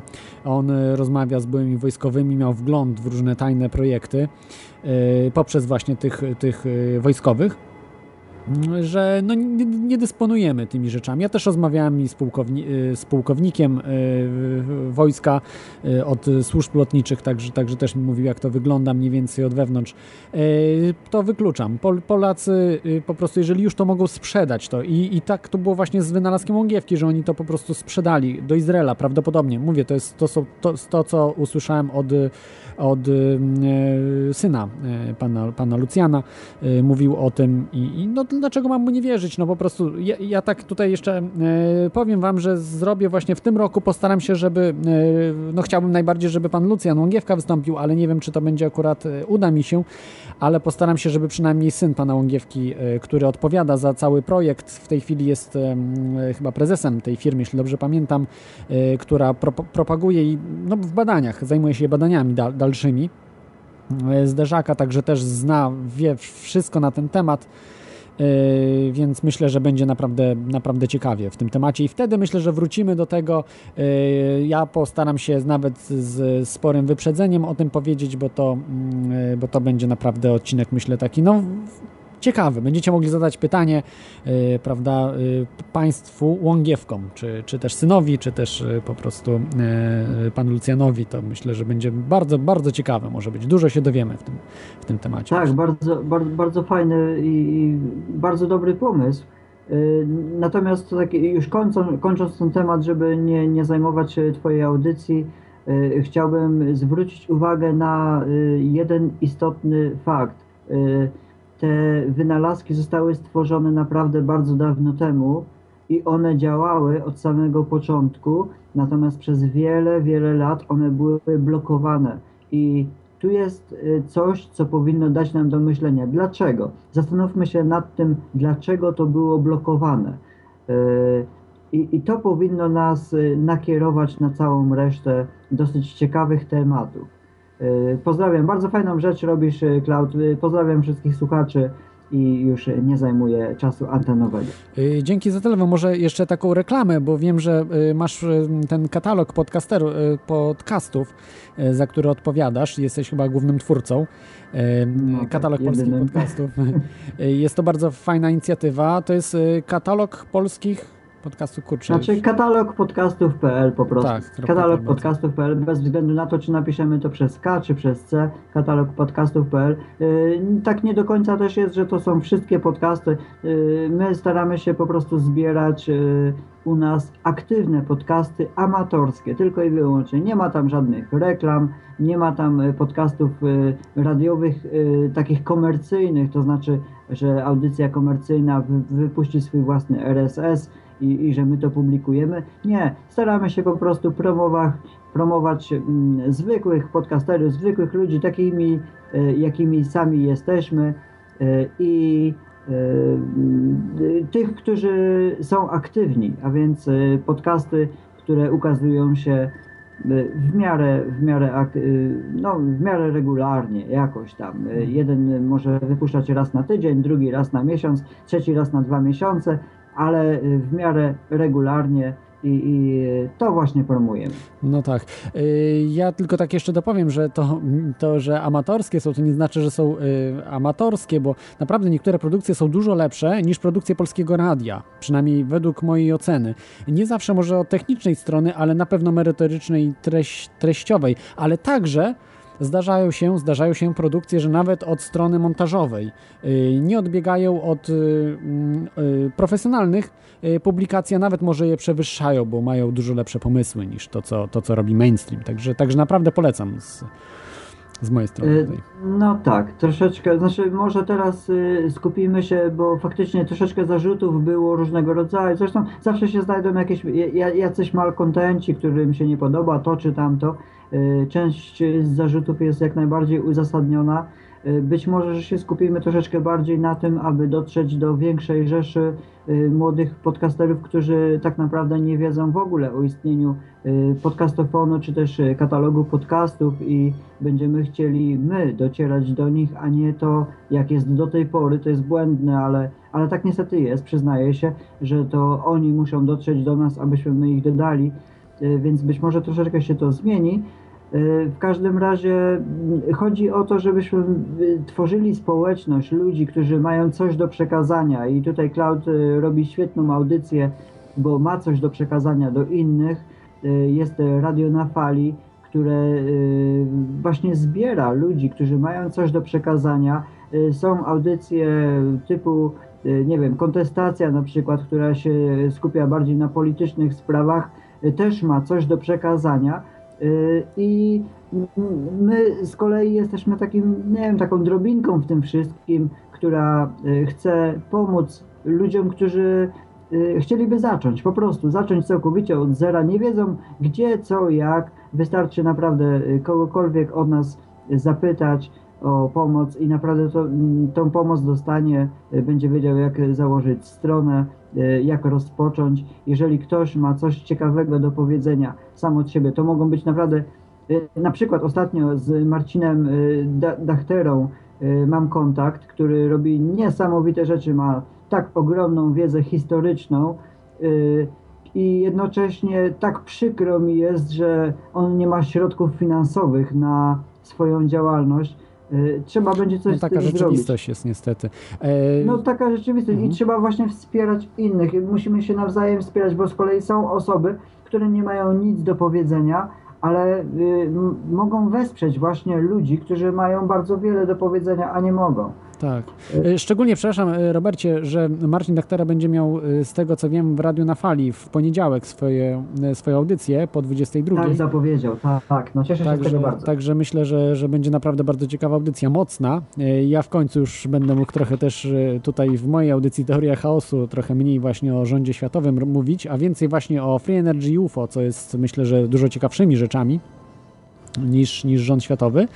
No, zależy dla kogo, prawda? Bo rząd światowy bardziej jest powiązany z polityką, ekonomią, prawda? Tego, tego typu sprawami. To, wszy to wszystko jest bardzo ze sobą powiązane, bardzo mocno i łącznie z jedzeniem, jakimś, nie wiem, y, ludzie nie mają pojęcia, na przykład wyobraźmy sobie coś, y, ja się o tym dowiedziałem, nie wiem, z jakieś 3 lata temu i, i mnie to bardzo zszokowało. Y, rząd taki najbardziej wolnościowy, jaki jest w ogóle na świecie, amerykański, tak ogólnie się przyjmuje. E, I wyobraźmy sobie, że tam farmerzy, aby uprawiać kukurydzę, muszą kupować ją zawsze od jednego producenta. Oni nie mogą mieć własnych nasion kukurydzy. Tak, to jest, chodzi o licencję, prawda? Tak. No i, i coś takiego. GMO problem. No, no, tak, tak, już tam bez poruszania całej reszty, ale że coś takiego już jest y, powszechną sprawą, że to jest normalne i ludzie to akceptują. No to, to jest przerażające, że ludzie to akceptują, ale myślę, że nie zaakceptują, że jednak się ruszą, także, także będzie, będzie naprawdę w porządku. Dobrze, dziękuję, dziękuję Ci, e, dziękuję Ci Robercie, bo e, będę musiał tu powrócić już do, do tematu, bo jest naprawdę jeszcze mnóstwo. No. Mówiliśmy w, na mnóstwo, mnóstwo innych tematów, także dzięki Ci jeszcze raz za telefon i do usłyszenia. Do usłyszenia, pozdrawiam. Yy, także to był yy, Robert, yy, podcaster znany, Robert Kessling, którego możecie właśnie słuchać w różnych podcastach, a także odpowiada właśnie za katalog podcastów, katalog polskich podcastów. Jak piszecie na Google, to dostaniecie właśnie wynik. A my wracamy w tej chwili do tematu y, Free Energy, bo dzisiaj był taki temat. Dzisiaj taki luźniejszy jest. Ja nie chciałem, też się tak nie do końca super przygotowałem do tego, tego tematu dzisiaj, także, także potraktujcie ten temat tak luźno. Y, właśnie, że, że możecie zadzwonić i pogadać po prostu, co myślicie na temat właśnie y, Free Energy dzisiaj. A ja troszeczkę przygotowałem w tym temacie takich rzeczy, które zelektryzowały świat w 2011 roku. I pierwszą taką rzeczą była właśnie zimna fuzja. E, widzę, że Rebelian dzwoni, ale musisz poczekać. Niestety muszę teraz troszeczkę z tematem polecieć, także dzwońcie za jakieś 15 minut. E, e, chyba, że ktoś nowy zadzwoni, no to może wtedy. W każdym razie, zimna fuzja, jak już mówiłem, był 89 rok, tam się wiele działo w tym temacie, wielu ludzi zostało zabitych, którzy zajmowali się tym tematem. Także w 2011 roku odszedł od nas Brian O'Leary, człowiek, który się zajmował, on był byłem astronautą, był też doktorem fizyki, e, dobrze wykształconym człowiekiem. Zresztą wiecie, że astronauci są, muszą być też bardzo dobrze wykształconymi ludźmi, oprócz tego, że sprawni fizycznie, prawda, że, że świetnie przystosowani do wszystkiego, to muszą też się znać na rzeczy, mieć tytuły naukowe. Mm, e, no, ale wracając do tematu, to jest tak zimna fuzja. I jak mówiłem o tej ciepłej fuzji, ktoś mi tam zarzuca, że coś tam nie rozumiem. Może faktycznie nie rozumiem. E, tu na czacie wyczytałem, że nie rozumiem e, tematu i coś tam błędnie mówię. KZT chyba. Z tego, co tam wcześniej czytałem, że, że nie rozumiem, co to jest Perpetuum mobile. Możliwe, ale sens powinniście załapać tego, że na ciepłą fuzję wydaje się tyle, że uzyskuje się bezsensowny proces, czyli nic to nie daje, bo y, uzyskujemy, wkładając energię, uzyskujemy mniej tej energii niż włożyliśmy. I nie o to chodzi, prawda? Bo jeżeli mamy węgiel, to oczywiście, że też potrzebujemy energię, żeby ten węgiel wydobyć, ale tą energię, którą poświęciliśmy na wydobycie węgla, odzyskujemy w procesie spalania węgla, że to spalanie węgla daje nam dużo więcej energii niż, niż koszt wydobycia tego węgla. Tak jest właśnie w, w domyśle, prawda? Y, czy koszt? No nie koszt, no po prostu koszt energetyczny w sensie że tej energii musimy mniej wydatkować na wydobycie węgla, niż potem y, uzyskujemy tego węgla w, w spalaniu. Czy ro, ropa, czy, czy wszystko właśnie w tym, y, w, w tych paliwach kopalnych. Tak samo jest z wiatrem, prawda? że musi się nam to zwrócić i tak dalej, tak dalej. E, dobra, mniejsza z tym. W każdym razie łapiecie o co chodzi. W zimnej fuzji jest właśnie odwrotnie, że w 2011 rok to był właśnie pierwsza yy, pierwsze urządzenie, można by powiedzieć, które powstało, które yy, na, na wyjściu daje nam więcej niż na wejściu yy, zuży, zużytej energii. I to wielokrotnie więcej co udowodniono, oczywiście też można mówić, że to bzdura, że to nie działa, natomiast sceptycy to sprawdzali. Nie, nazywa się to urządzenie ICAT. Ono powstało już wcześniej, niż w 2011 roku. Ono zostało ogłoszone, yy, ujawnione światu do testów były już tam w 2010 pod koniec już informacje na ten temat, ale tak oficjalnie właśnie to mocno ruszyło w 2011 roku. Y, za tym stoi y, inżynier, no można tak nazwać, on nie ma wykształcenia inżynierskiego, ale jest inżynierem, bo, bo tak naprawdę, czy, czy ktoś ma wykształcenie, czy nie, to nie czyni go wynalazcą i inżynierem, bo taki Łągiewka dużo lepszym jest inżynierem niż wielu, którzy kończą uczelnię. Tak, bo po prostu potrafi coś zrobić bo y, to jest inżynier, to nie jest naukowiec, prawda? Naukowiec to faktycznie musi mieć wiedzę teoretyczną i tak dalej, książek dużo czytać i, i tytuły naukowe mieć. Natomiast inżynier właśnie dzisiaj jest pomieszanie z poplątaniem, że inżynier musi być świetnie wykształcony. Nie, inżynier musi dobrze rozumieć dany temat i potrafić zrobić coś praktycznie. I takim właśnie jest y, Angela, An, y, Angela Rossi Włoch, który był wynalazcą, wiele rzeczy różnych wynajdował, y, wiele rzeczy robił, także sporo zarobił pieniędzy na różnych, różnych swoich przedsięwzięciach i wszystkie pieniądze, które miał, zainwestował właśnie w ten ICAT.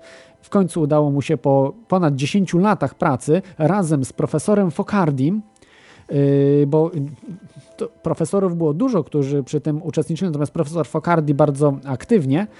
Y, mógłbym tutaj powiedzieć, że jak tutaj właśnie znajduję tych yy, różnych yy, profesorów, jest na przykład jeszcze jest Michael Melicz, jest no Chetty, Alberto Carnera, Levi, Giuseppe Levi, profesor Ros, Perluca Rossi, i tak dalej, tak dalej. George Kelly i tak dalej. Jest mnóstwo tych e, profesorów jeszcze z Grecji, na przykład Stremenos Christos i tak dalej, tak dalej. Jest e, naprawdę spora, mm, e, spora liczba osób, które, które brały w tym udział, pomagały w różnych sprawach. Natomiast głównym inżynierem, który się na co dzień tym zajmował, to był Angela Rossi, czy Angela Rossi. Ten, ten inżynier no i profesor Focardi jako taki właśnie konsultant naukowy i człowiek, który zainteresował w ogóle Ro Rossiego tym tematem z tego, co, co doczytałem, to yy, po prostu ta współpraca. Yy, a yy, profesor Focardi zainteresował się zimną fuzją, prawda? Jak usłyszał w 1989 roku o tej, o tej sprawie i zaczął rozwijać to, tylko trochę od innej strony podszedł, prawda? Nie wykorzystywał tej ciężkiej wody i tak dalej, tylko, tylko zainteresował się, że może spróbować z czymś innym. No i wykorzystano właśnie nikiel yy, jako, jako paliwo. Jest nikiel i wodór i ten nikiel jest przekształcany w miedź. E, za pomocą właśnie, mm, to tak pokrótce powiem, że jest tam e, jakiś tajemniczy katalizator, który jest nieujawniony i który właśnie Rossi wynalazł, bo podejrzewam, że metodą prób i błędów, który, dzięki któremu mamy właśnie tą reakcję, możemy zrobić te ogniwa, te mm, no, ogniwa, można by powiedzieć, no tak, to chyba można by nazwać ogniwą, e, ogniwami, czy reaktorem bardziej, tak? bo to już reaktor jest atomowy. E, temperatura około 400-500 stopni, więc zimna fuzja niby zimną jest, ale to nie jest tak, jak się nam wydaje, bo chodzi o to, że nie ma tam e, milionów stopni, czy dziesiątek milionów stopni, powiedzmy Celsjusza, czy jakichś bardzo wielkich ciśnień, jakichś kosmicznych rzeczy, tylko po prostu jest temperatura 400-500 stopni, do tego jakieś ciśnienie też sporo większe niż atmosferyczne. I yy, to, jest, to jest ściśnione, także to też potęguje yy, tą reakcję, ale to i tak jest nic w porównaniu do ciepłej fuzji, więc dlatego to jest określone zimną fuzją. Yy, oprócz tego mm, dostał Andrea Rossi dwa patenty, włoski amerykański na to, współpracują już współpracują z właśnie e, tą firmą Leonardo, to się chyba Leonardo nazywa e, Incorporation, współpracuje taka firma jak National Instruments oraz kręgi wojskowe, które prawdopodobnie właśnie to one kupiły pierwsze urządzenia. Bo tak, już są po prostu działające elektrownie o mocy maksymalnej mocy 1 MW, które pracują wykorzystując te ogniwa czy reaktory zimnej fuzji. I to jest. No teraz czekamy właśnie na ujawnienie tego, kto, kto kupił te rzeczy i gdzie to, gdzie to pracuje. E, także myślę, że na, niedługo e, się tego wszystkiego dowiemy. Jest to bardzo, bardzo ciekawa sprawa i, i to już działa. To już działa, także jest. E, sceptycy oglądali te urządzenia, szwedzcy profesorowie z chyba z Uppsali uniwersytetu, w każdym razie naprawdę światowej klasy fizycy e, badali to urządzenie i nie mogli znaleźć żadnych jakichś, e, żadnego oszustwa. No oczywiście nie wyklucza się żadnego oszustwa, bo też y, mogą być wiadomo różne rzeczy, natomiast Natomiast tutaj wszyscy mówią, żeby się zainteresować ciepłą fuzją, e, że to jest przyszłość i w ogóle nie, nie, niestety, ciepła fuzja nie jest przyszłością, bo ciepłą fuzję mamy na Słońcu, więc e, lepszym motywem jest science fiction wzięte, żeby po prostu ze Słońca czerpać. Jeżeli już na Słońcu mamy tą ciepłą fuzję, to stamtąd czerpmy energię. Po prostu obłożyć Słońce jakimiś różnymi panelami, e, w, bo na Ziemi oczywiście baterie słoneczne czy ogniwa słoneczne nie są free energy, bo mamy tylko, prawda, 12 y, godzin, czy czasami więcej, jak gdzieś tam na biegunie umieścimy, no ale potem z kolei w drugi, w, w, jak będzie noc polarna, no to wtedy mamy mało energii, więc zawsze, zawsze mamy, mamy energię i nie mamy. Natomiast jeżeli umieścimy na orbicie okołoziemskiej takie urządzenia, jakieś, które baterie słoneczne, to już możemy określać to jako free energy. Rozumiecie? Nie wiem, czy łapiecie o, o co mi chodzi. E, właśnie w tej idei free energy. Czyli jeżeli mamy baterie słoneczne, czyli mamy, powiedzmy, to się fachowo nazywa mm, to się fachowo nazywa, y, no na początku to może być jakiś pierścień Nivena, a y, sfera Dysona to się chyba nazywa, sfera, sfery Dysona, że obłożyć Słońce y, po prostu taką kulą, z jakichś, jakichś takich materiałów, takich folijek powiedzmy, czy coś w przestrzeni kosmicznej i one, y, które będą się obracały, żeby one nie spadły na Słońce i, i one będą po prostu non-stop czerpały ze Słońca energię. No, to jest oczywiście science fiction, ale wtedy to też jest free energy. To jest dużo prostsze niż budowanie jakichś y, wymyślnych reaktorów, żeby powtórzyć istnienie Słońca. Natomiast jeżeli już widzimy, że tego typu rzeczy to, to, są, to są faktem, a nie fikcją, no, sceptycy zawsze będą negowali. Mogę przeczytać wam Lorda Carwina, jednego z największych naukowców, który mówił yy, yy, tuż przed lotem braci Wright, że to jest niemożliwe, żeby cięższe maszyny mogły latać. Więc o IKACie jeszcze będziemy mówili na pewno. Zrobię była jeden odcinek, który jeszcze nie, nie jest uploadowany z października z fizykiem, który obiecuje, że będzie jak najszybciej się uda. No, zalegam jeszcze ze starymi, ale to jest też ważna sprawa, żeby upublicznić. To był trochę problem, że on się troszeczkę bał tego upublicznienia, bo no wiadomo, w Polsce wiecie jak jest, prawda? Także nie dziwi się, że, że trochę się bał tego wszystkiego, żeby upubliczniać, więc na razie, na razie to, to wszystko jest jeszcze mm, w trakcie. Mamy kolejny telefon, mamy Karola na, na linii. Halo Karolu? E, witam, witam Was wszystkich bardzo serdecznie. E, fenomenalny dzisiaj odcinek jest. Ja na początek chciałbym jeszcze nawiązać do no, pierwszego dzięki. słuchacza, który powiedział, że jeżeli zimna fuzja wejdzie, to dużo ludzi straci pracę i tak dalej. No, bardzo się Defetyzm. z tym nie zgadzam. Uważam, e, tak, uważam, że e, to właśnie rozwój technologiczny powoduje to, że e, nie musimy pracować i trzeba sobie raz powiedzieć, że się po to, żeby pracować, prawda? W takiej pracy, żeby zwykłej egzystencji. Halo, Karolu? Mm, coś mam jakieś problemy, nie wiem czy... Ale widzę, że jesteśmy w internecie słyszani, to chyba coś u Karola. Halo Karolu, jesteś? Niestety przerwało połączenie. Yy, niech jeszcze zadzwoni Karol, także yy, coś widzę, rozłącza yy, jakieś telefony, które są za a nie przeciw, to rozłącza. Kto to może rozłączać? Odwrotnie niż w Radiu Maryja, prawda? Bo tam rozłącza y, ludzi, którzy są y, przeciw. Znowu, coś, coś się próbuje Karol łączyć, ale cały czas go wyłącza, niestety. Y, za chwilkę jeszcze, jak będziesz Karolu, to, to zadzwoń. Y, dobrze, o tym IKAcie na pewno jeszcze wrócimy do tego, bo to jest y, fenomenalna sprawa i to już działa. Tutaj o kolejnej sprawie, o konkurencji do mm, pana Rossiego. Niejaka firma Devcalion, która chciała razem z Rossim produkować Yy, te urządzenia, bo tak jak Rossi mówi, że na razie produkuje te wielkie elektrownie, no wielkie, no 1 MW to nie jest duża, bo i w Polsce są gigawatowe elektrownie, czyli tysiąc razy potężniejsze, ale jednak to już są potężne, to już można osiedle zasilić tym, a nawet część miasta yy, taką megawatową. No, małe miasteczko powiedzmy, takie dosyć małe. Można by było zasilić. Yy, natomiast yy, firma właśnie Devcalion chciała współpracować i na rynek europejski tworzyć małe jednostki, takie 5-10 kW do domu.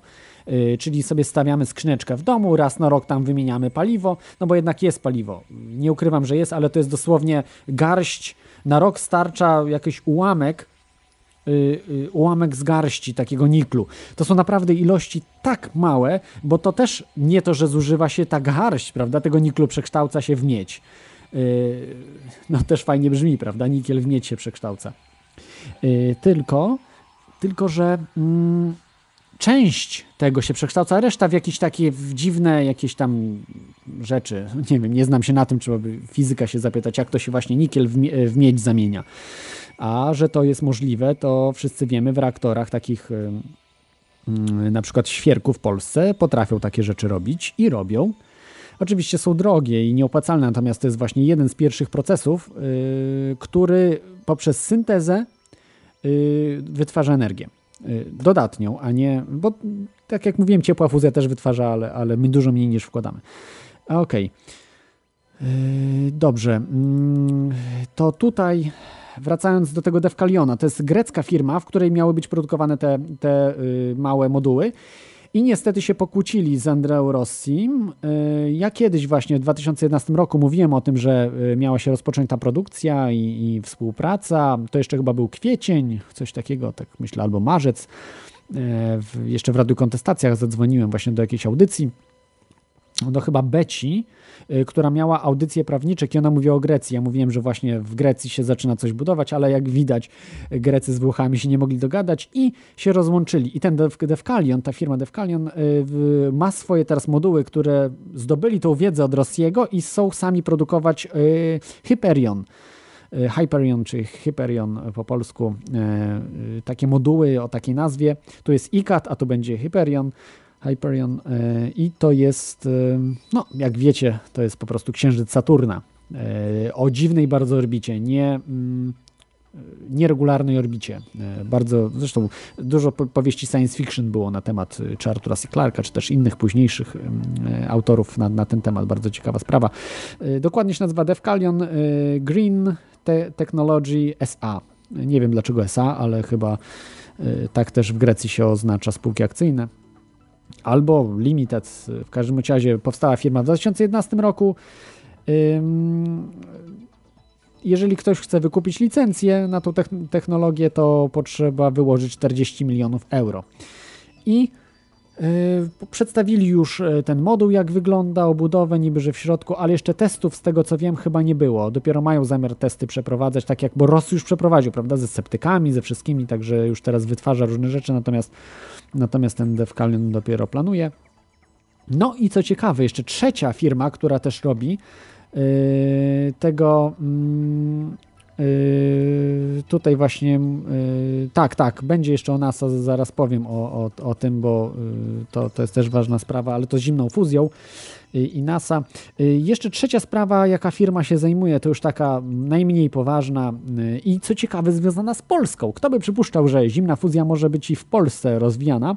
Niejaki y, profesor Bolotow z Ukrainy twierdzi, że posiada urządzenie właśnie zimnej fuzji, co na wejściu ma 5 kW, a na wyjściu 200 kW. Koszt budowy ocenił na 10 tysięcy euro. Prezentacja tego urządzenia była 25 marca 2011 roku. Y, przy tej prezentacji y, byli chyba, z tego co wiem, z polscy naukowcy pani profesor Halina Pawlak-Kruczek i doktor Hanna Bor... Bor... Brzozowiec chyba, Grumbles nie wiem jak to się wymawia, dziwne, dziwne nazwisko, przepraszam e, tą drugą panią, e, poprawię się, tutaj mam źle zapisane właśnie, mm, wycenia pan Bołotow licencję na 15 milionów, e, razem współpracuje z Polakiem, inżynierem Waldemarem Mortkowiczem, to jest Polak, także w Polsce też to, to wszystko się dzieje i w Ukrainie, takie współpraca polsko-ukraińska. Y, pan Waldemar Mordkowicz mówi, że to urządzenie od 60 W na wejściu do 20 kW na wyjściu daje. Oczywiście, no mm, to troszeczkę jednak za mało, y, wydaje mi się, nie wiem, te, te panie tak też niejednoznacznie chcą się wypowiedzieć za, nawet przeciw, trochę tak po polsku, więc Mm, to jest y, bardzo dużo znaków zapytania i jak widziałem na zdjęciach to urządzenie, no to y, dosyć śmiesznie wygląda. Więc y, to bardziej um, uważam to polsko-ukraińskie przedsięwzięcie trochę za, no nie wiem, nawet jeśli to działa, to podejście biznesowe do tego jest właśnie typowo po polsku robione, czy po ukraińsku, więc raczej nie mają żadnych szans w starciu z takimi gigantami jak pan Andra Rossi. E, e, czy, mm, czy właśnie firma Defcalion, którzy, którzy no przynajmniej Andra Rossi pokazał przy sceptykach, e, to wszystko było badane, oni mogli sprawdzić, zbadać różnymi urządzeniami, więc mm, to było upublicznione potem w dużej mierze, kupione zostały już elektrownie, więc to, to już naprawdę jest, jest zupełnie zupełnie inna, inna mowa. Y, tutaj właśnie zarzuca mi, to znaczy nie tyle zarzuca, że o NASA powinienem wspomnieć, Y, to w tej chwili wspominam. Tak, NASA y, nie zainteresowała się w oczywiście w 2011 roku czy w 2012. Zainteresowała się NASA już dużo wcześniej. Y, już w 1989 roku NASA zaczęła badać, oczywiście oficjalnie zawsze negowała, wyśmiewała to i tak dalej. Natomiast cały czas badała to i tą sprawę. I zawsze naukowcy, jeżeli ktoś zgłaszał jakieś właśnie w temacie zimnej fuzji, różne rzeczy, zawsze przyjeżdżali z NASA na naukowcy i dowiadywali się różnych ciekawych rzeczy, zawsze śledzili te tematy. Zresztą o tym whistleblowerzy z NASA mówią. mówią. A y, oczywiście w zeszłym roku, w 2011 roku i w tym roku y, już oficjalnie przyznają, że zimna fuzja jest faktem. Tak jakby wcześniej nigdy nie zaprzeczali. To jest, to jest coś niebywałego, jest tak, tak po prostu jest to y, zrobione w dzisiejszym świecie, że nie ma honoru nikt. Nie ma się honoru przyznać, tak, popełniliśmy błąd, y, że negowaliśmy to wszystko, że, że zimna fuzja działa. Teraz nagle już mówią, że działa, ale mówią zawsze ale, że to nie jest zimna fuzja, tylko to jest LENR, czyli Low Energy Nuclear e, Reactions, czyli niskoenergetyczne y, jakieś zjawiska nuklearne, i nie mające nic wspólnego z fuzją, tylko z zjawiskami Widom czy Widom y, Lars, Lars, Larsen chyba, Widom Larsen, takich od dwóch naukowców wzięte zjawisko, gdzie, gdzie coś tam się dzieje, prawda, że nie tyle łączenie jąder, tylko, no ale musi być, no jeżeli wykrywany jest na przykład w tej akurat u Andrea Rossi, prawda, y, jest wykrywany, y, że zmienia się nikiel w y, miedź i to można było zbadać, no to, no to tutaj jest synteza, musi jakaś zachodzić. Nie wiem na jakiej zasadzie, jak to nazwiemy. Naukowcy mogą mieszać jak chcą, ale nie, nie da się tu ukryć, że zachodzi jakaś synteza, że jest przemiana, permutacja jednego pierwiastka w drugi, więc, więc ci nas NASA. To jest niejaki profesor Bushnell e, z NASA. E, możecie sobie wypowiedzi jego znaleźć, w podcastach brał udział i właśnie on powiedział, że dla niego jedną z przyszłościowych właśnie technologii to jest zimna fuzja, czy on, oczywiście nie używają tego, tylko Lender mówią, czyli tak e, dyplomatycznie, prawda, że zimna fuzja to B, ale Lender to już OK. Generalnie wiadomo o co chodzi, że jest to samo e, zjawisko. I ostatnio Józef Zawodny, czy Załodny, Polak z pochodzenia, ale już chyba urodzony w Stanach, z NASA Langley, laboratorium takie właśnie NASA, opublikował film, na którym twierdzi, że właśnie NASA też to bada i działa. I działa, zimna fuzja działa i jest faktem Także no, dzieje się, dzieje. Mamy na antenie Zenona. Halo Zenonie, jesteś na antenie? Halo, halo? Halo? Nic nie słychać. Słuchaj w Skype'ie. Niestety. Niestety Zenona nie słychać. Miejmy nadzieję, podłącz mikrofon. Przepraszam, że tak się śmieję, ale może coś z mikrofonem masz nie tak, także jeszcze raz spróbuj. Najpierw przetestuj. Jest tam właśnie ten, ten system i będzie, będzie, myślę, że to nie u mnie, bo może się też tak zdarzyć, że coś u mnie jest blokowane i nie, nie można nie można tu się połączyć i rozmawiać. Nie wiem. W każdym razie dzwońcie. Tutaj jeszcze chciałbym powiedzieć o, o tym, że naukowcy naukowcy nie badali zimnej fuzji. Że to tylko tam właśnie tam jacyś Focardi, że tam parę tylko osób. To jest nieprawda. Setki ludzi brały udział w badaniach nad zimną fuzją i brało do tej pory. Oczywiście w wyścigu Andra Rossi okazał się najlepszy, bo nie miał wykształcenia y, naukowego w sensie y, akademickiego. Miał jakiś tam doktorat z zupełnie innej dziedziny, czy, y, czy też y, miał jakieś tam tytuły, ale też nie z fizyki, czy z jakichś innych. No mniejsza z tym. W każdym razie mm, y, był prawdziwym inżynierem. Inżynierem, tak, bo dokonał czegoś, czego nie dokonał cały świat. No i to, to po prostu, jeżeli okaże się prawdą, ja nie to, że wierzę, no po prostu wiem, że tego typu rzeczy są możliwe i, i Tacy ludzie powinni dostawać Noble, a nie jacyś, którzy zajmują się cząstkami, które coś może za 50 lat y, wyjdzie, że coś będzie przydatne. Nie, to ma być tu i teraz, co jest najważniejsze. Więc y, to jest y, naprawdę na, na Nobla odkrycie. No zobaczymy, zobaczymy, jak to się wszystko rozwinie. W każdym razie no, bardziej wierzę w tutaj, e, bardziej sądzę, że to jest prawdą tutaj ten e, Andra Rossi niż, niż pan Bołotow razem z e, Mordkowiczem, panem Waldemarem Mordkowiczem, bo to się wydaje dosyć mglista sprawa. Tutaj jeszcze może parę dat podam, że generalnie zostało ogłoszone właśnie 14 stycznia 2011 roku o tym, no potem właśnie tutaj Polacy, tak, tutaj w marcu Dwa miesiące później się obudzili, podali swoje rozwiązania, a może coś uszczknął. Natomiast y, ta prezentacja polska wyglądała żenująco. Przepraszam, że tak mówię, ale możecie sobie zobaczyć w internecie to wszystko.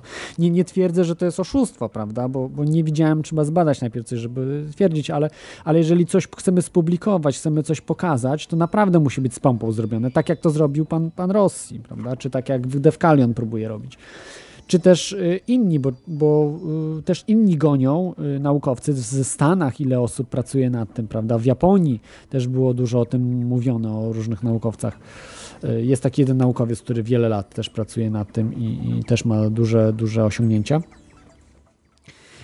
I jeszcze taka właśnie ta październiku była prezentacja tej elektrowni, że ludzie, naukowcy, y, dziennikarze mogli to oglądać, wejść do tego, zobaczyć, badać w jakimś tam stopniu y, tą elektrownię, także, także naprawdę, naprawdę to było, to było niesamowite.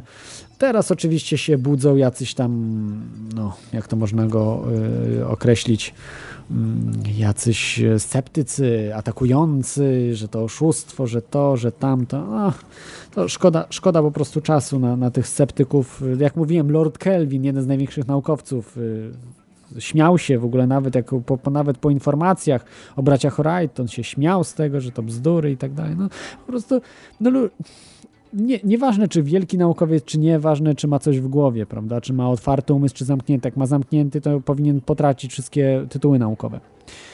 Dobrze, y, Karol dzwoni, odbiorę jeszcze raz, mam nadzieję, że teraz będzie słychać. Halo Karolu, jesteś na antenie. E, tak, witam, jak mnie no, słychać? Bardzo dobrze. E, właśnie, coś cały czas mi przerywa. Nie wiem, czy mówiłeś e, tutaj ostatni raz, ja oglądałem wywiad z Angelo Rossi w telewizji Justin. Andra, Andrea Rossi, tak, Andrea Rossi. Tak, tak. Mhm. Mówił, mm, to był wywiad sprzed miesiąca, mówił między innymi o cenach, które przewiduje na ten moduł ECAT i ma być to cena w granicach od 400 do 500 dolarów, więc... No ja się trochę z tego śmiałem, ale okej, okay, no może, może tak. być, ale to wiesz, mało realne raczej. Znaczy wiesz, on bardzo dobrze podchodzi do sprawy, bo rozumie, że ten wynalazek będzie użyteczny tylko dlatego, tylko wtedy, kiedy będzie dostępny dla całej ludzkości. A będzie dostępny dla całej ludzkości tylko wtedy, kiedy będzie tani, prawda? Więc on od razu inwestuje w masową produkcję, więc myślę, że to jest możliwe. Bo tak naprawdę to nie jest jakiś bardzo skomplikowany wynalazek, prawda? Ja widziałem na zdjęciach, to jest y, no, po prostu bardzo prosty i myślę, że za 10-20 lat każdy w domowych warunkach będzie mógł sobie coś takiego zrobić, prawda, jak już będzie znał technologię. natomiast mnie tutaj zastanawia jedna rzecz. Ja pamiętam parę audycji wcześniej, e, ty przedstawiałeś wywiad z jednym z whistleblowerów, który powiedział, że NWO dopuści e, zimną fuzję, a nawet nie dopuści tyle, co wprowadzi po prostu. I być może to jest powód, dlaczego Andlera Rosji jeszcze żyje. Czy, czy coś wiesz na ten temat więcej? No nie wiem, bo to jest tak tajemniczy. Znaczy nie jest tajemniczy, że można wywiady z nim posłuchać, można pooglądać jak wygląda, można y, zobaczyć bardzo, no materiałów jest tyle, że w, trzeba było ileś tygodni mieć, żeby się przez nie przebić y, tych wszystkich materiałów, ale y, no nie wydaje mi się, po prostu już widzą, że nie można, y, za, za daleko to poszło.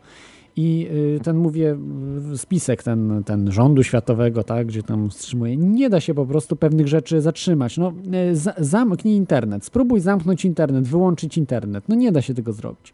Dlatego tak samo nie da się y, zniszczyć wiedzy, prawda? Nie da się na przykład zabronić ludziom robić tych cambasterów, czy tam cloudbusterów, tych dział organowych, prawda? Ludzie to robią, ta wiedza jest, rozpromieniowuje się jak narkotyk i nie ma szans tego spalić. Pomimo, że spalono wszystkie książki w Stanach y, na ten temat, to i tak ta wiedza przetrwała, więc nie da się tego zrobić. Y, nawet tak. jeżeli by teraz zapozamykali wszystkie serwery, po prostu tego jest za dużo, musieliby wszystkich ludzi pozamykać, to jest nierealne.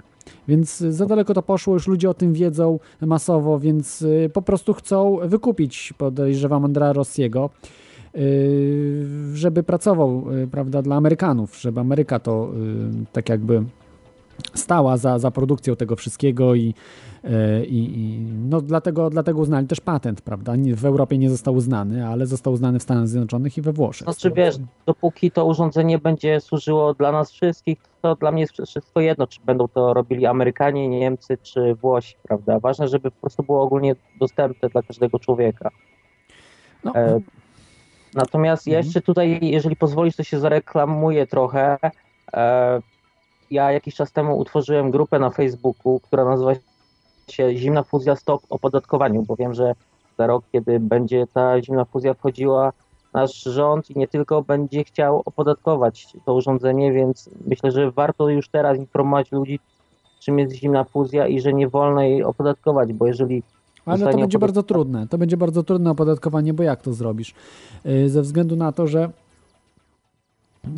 będzie po prostu można przemycać te urządzenia. No i wtedy, wtedy co, będą musieli po domach ludziom chodzić. No to jest, to jest tak jak z łapaniem y, piratów y, komputerowych. Złapią może 100, 200 na rok, no i, i koniec, prawda? A, a co no. z resztą? A co z milionami? No wszystkich nie wyłapią, Wiesz, także... Trzeba, trzeba sobie powiedzieć, że dzisiaj podatek od energii, czy te wszystkie cła to jest ogromny procent budżetu państwa. Jeżeli budżet państwa to straci, to będą musieli po prostu to opodatkować, tak?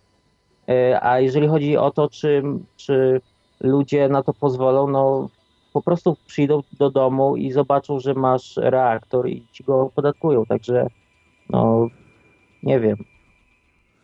Wydaje mi się, że to nie jest problemem. No, tak jak y, Bimber produkujemy, prawda, czy coś i aparatura jakoś jest dostępna. Ludzie sobie produkują nie tylko na swój własny użytek, ale także sprzedają. Oczywiście, no nie w tysiącach sztuk, czy tam zdarzają się i tacy, bo i to robią, ale to już muszą mieć profesjonalny sprzęt, nie tam za 1000 zł, tylko powiedzmy za 10 tysięcy, jakieś takie kolumny większe, mm, rektyfikacyjne. I, i, i sprzedają i jako, jakoś żyją, prawda, i nie wyłapią wszystkich. Za komuny nie dawali rady wyłapać, dzisiaj tym bardziej, więc narkotyki produkują w Polsce. Przecież jesteśmy krajem numer jeden, która produkuje amfetaminę. No to nie da się wszystkiego zrobić, wyłapać. Potrafią produkować e, Wietnamczycy w Polsce marihuanę y, na polu. Tylko, że wiecie, co zrobione, że jest. Nawet w domach potrafią, ale już abstrahując od tego, że, że są po prostu plantacje podziemne marihuany. Niesamowite, że mamy na polu coś tam rośnie byle co, a pod spodem jest, są po prostu takie, mm, jak to mówić, pola. I tylko dlatego ich znajdują, bo tak by w ogóle nie wykryli, tylko że y, gdzieś tam po prostu strasznie wysokie rachunki za prąd wychodziły. Jakieś kosmiczne po prostu. Więc, więc tak nie da, nie da się tego zrobić. No jak potrafią podziemne, pod ziemią produkować marihuanę w Polsce, no, no nie da się. Tak, tak. Więc każdy, no dobra, kto będzie to... chciał, to będzie miał, myślę. Ale dobra akcja, oczywiście, oczywiście popieram w pełni i myślę, że wszyscy, wszyscy powinniśmy to poprzeć, e, tą akcję, że, że nie opodatkowanie, ale to się na pewno skończy podatkiem, bo no nie, widzę, nie widzę innej opcji. E, po prostu w dzisiejszym świecie jest wszystko, nawet powietrze jest opodatkowywane już takie tak zwane, to się mówi, nie wiem, nie atmosferyczne, tylko klimatyczne tak? E, w różnych miastach. Także, także tak to jest. No. Nie, ma co się, nie ma co się e, przejmować. Wystarczy, że to się ujawni, będzie, będzie można kupić coś takiego i system padnie. No, nie ma szans. Będzie musiał się dostosować do, do zastanej rzeczywistości. Czyli oni się będą musieli dostosować, a nie my, bo my sobie poradzimy. No, miejmy nadzieję. E, ja naprawdę wierzę w to urządzenie i to będzie niesamowita wolność. Być może, że dojdzie do sytuacji, kiedy duża część ludzi przestanie e, uczestniczyć w tym wyścigu szczurów, bo po prostu nie będzie już musiała, tak? Bo to jest urządzenie, które daje nam energię, która może nas ogrzać, którą możemy się przemieszczać i tak naprawdę poza tym potrzebne nam jest tylko jedzenie i będziemy mogli egzystować na poziomie, na którym egzystujemy dzisiaj, bez jakiejkolwiek innej pracy, tak? Więc e, no, tutaj ja bym powiedział nawet, że to jest e, swego rodzaju e, osobliwość technologiczna. No, może jeszcze zawczasu, żeby o tym mówić, ale na pewno będzie rewolucja. No, na pewno, na pewno. Też tak uważam, że będzie rewolucja, będzie to właśnie osobliwością. Zresztą to mówiłem też w podcaście Teoria Chaosu już no, prawie dwa lata temu. O tym, dlaczego, dlaczego właśnie i co to jest w ogóle technologiczna osobliwość. Ale dobrze, dzięki Ci Karolu. Dziękuję. Dzięki za, za ten głos.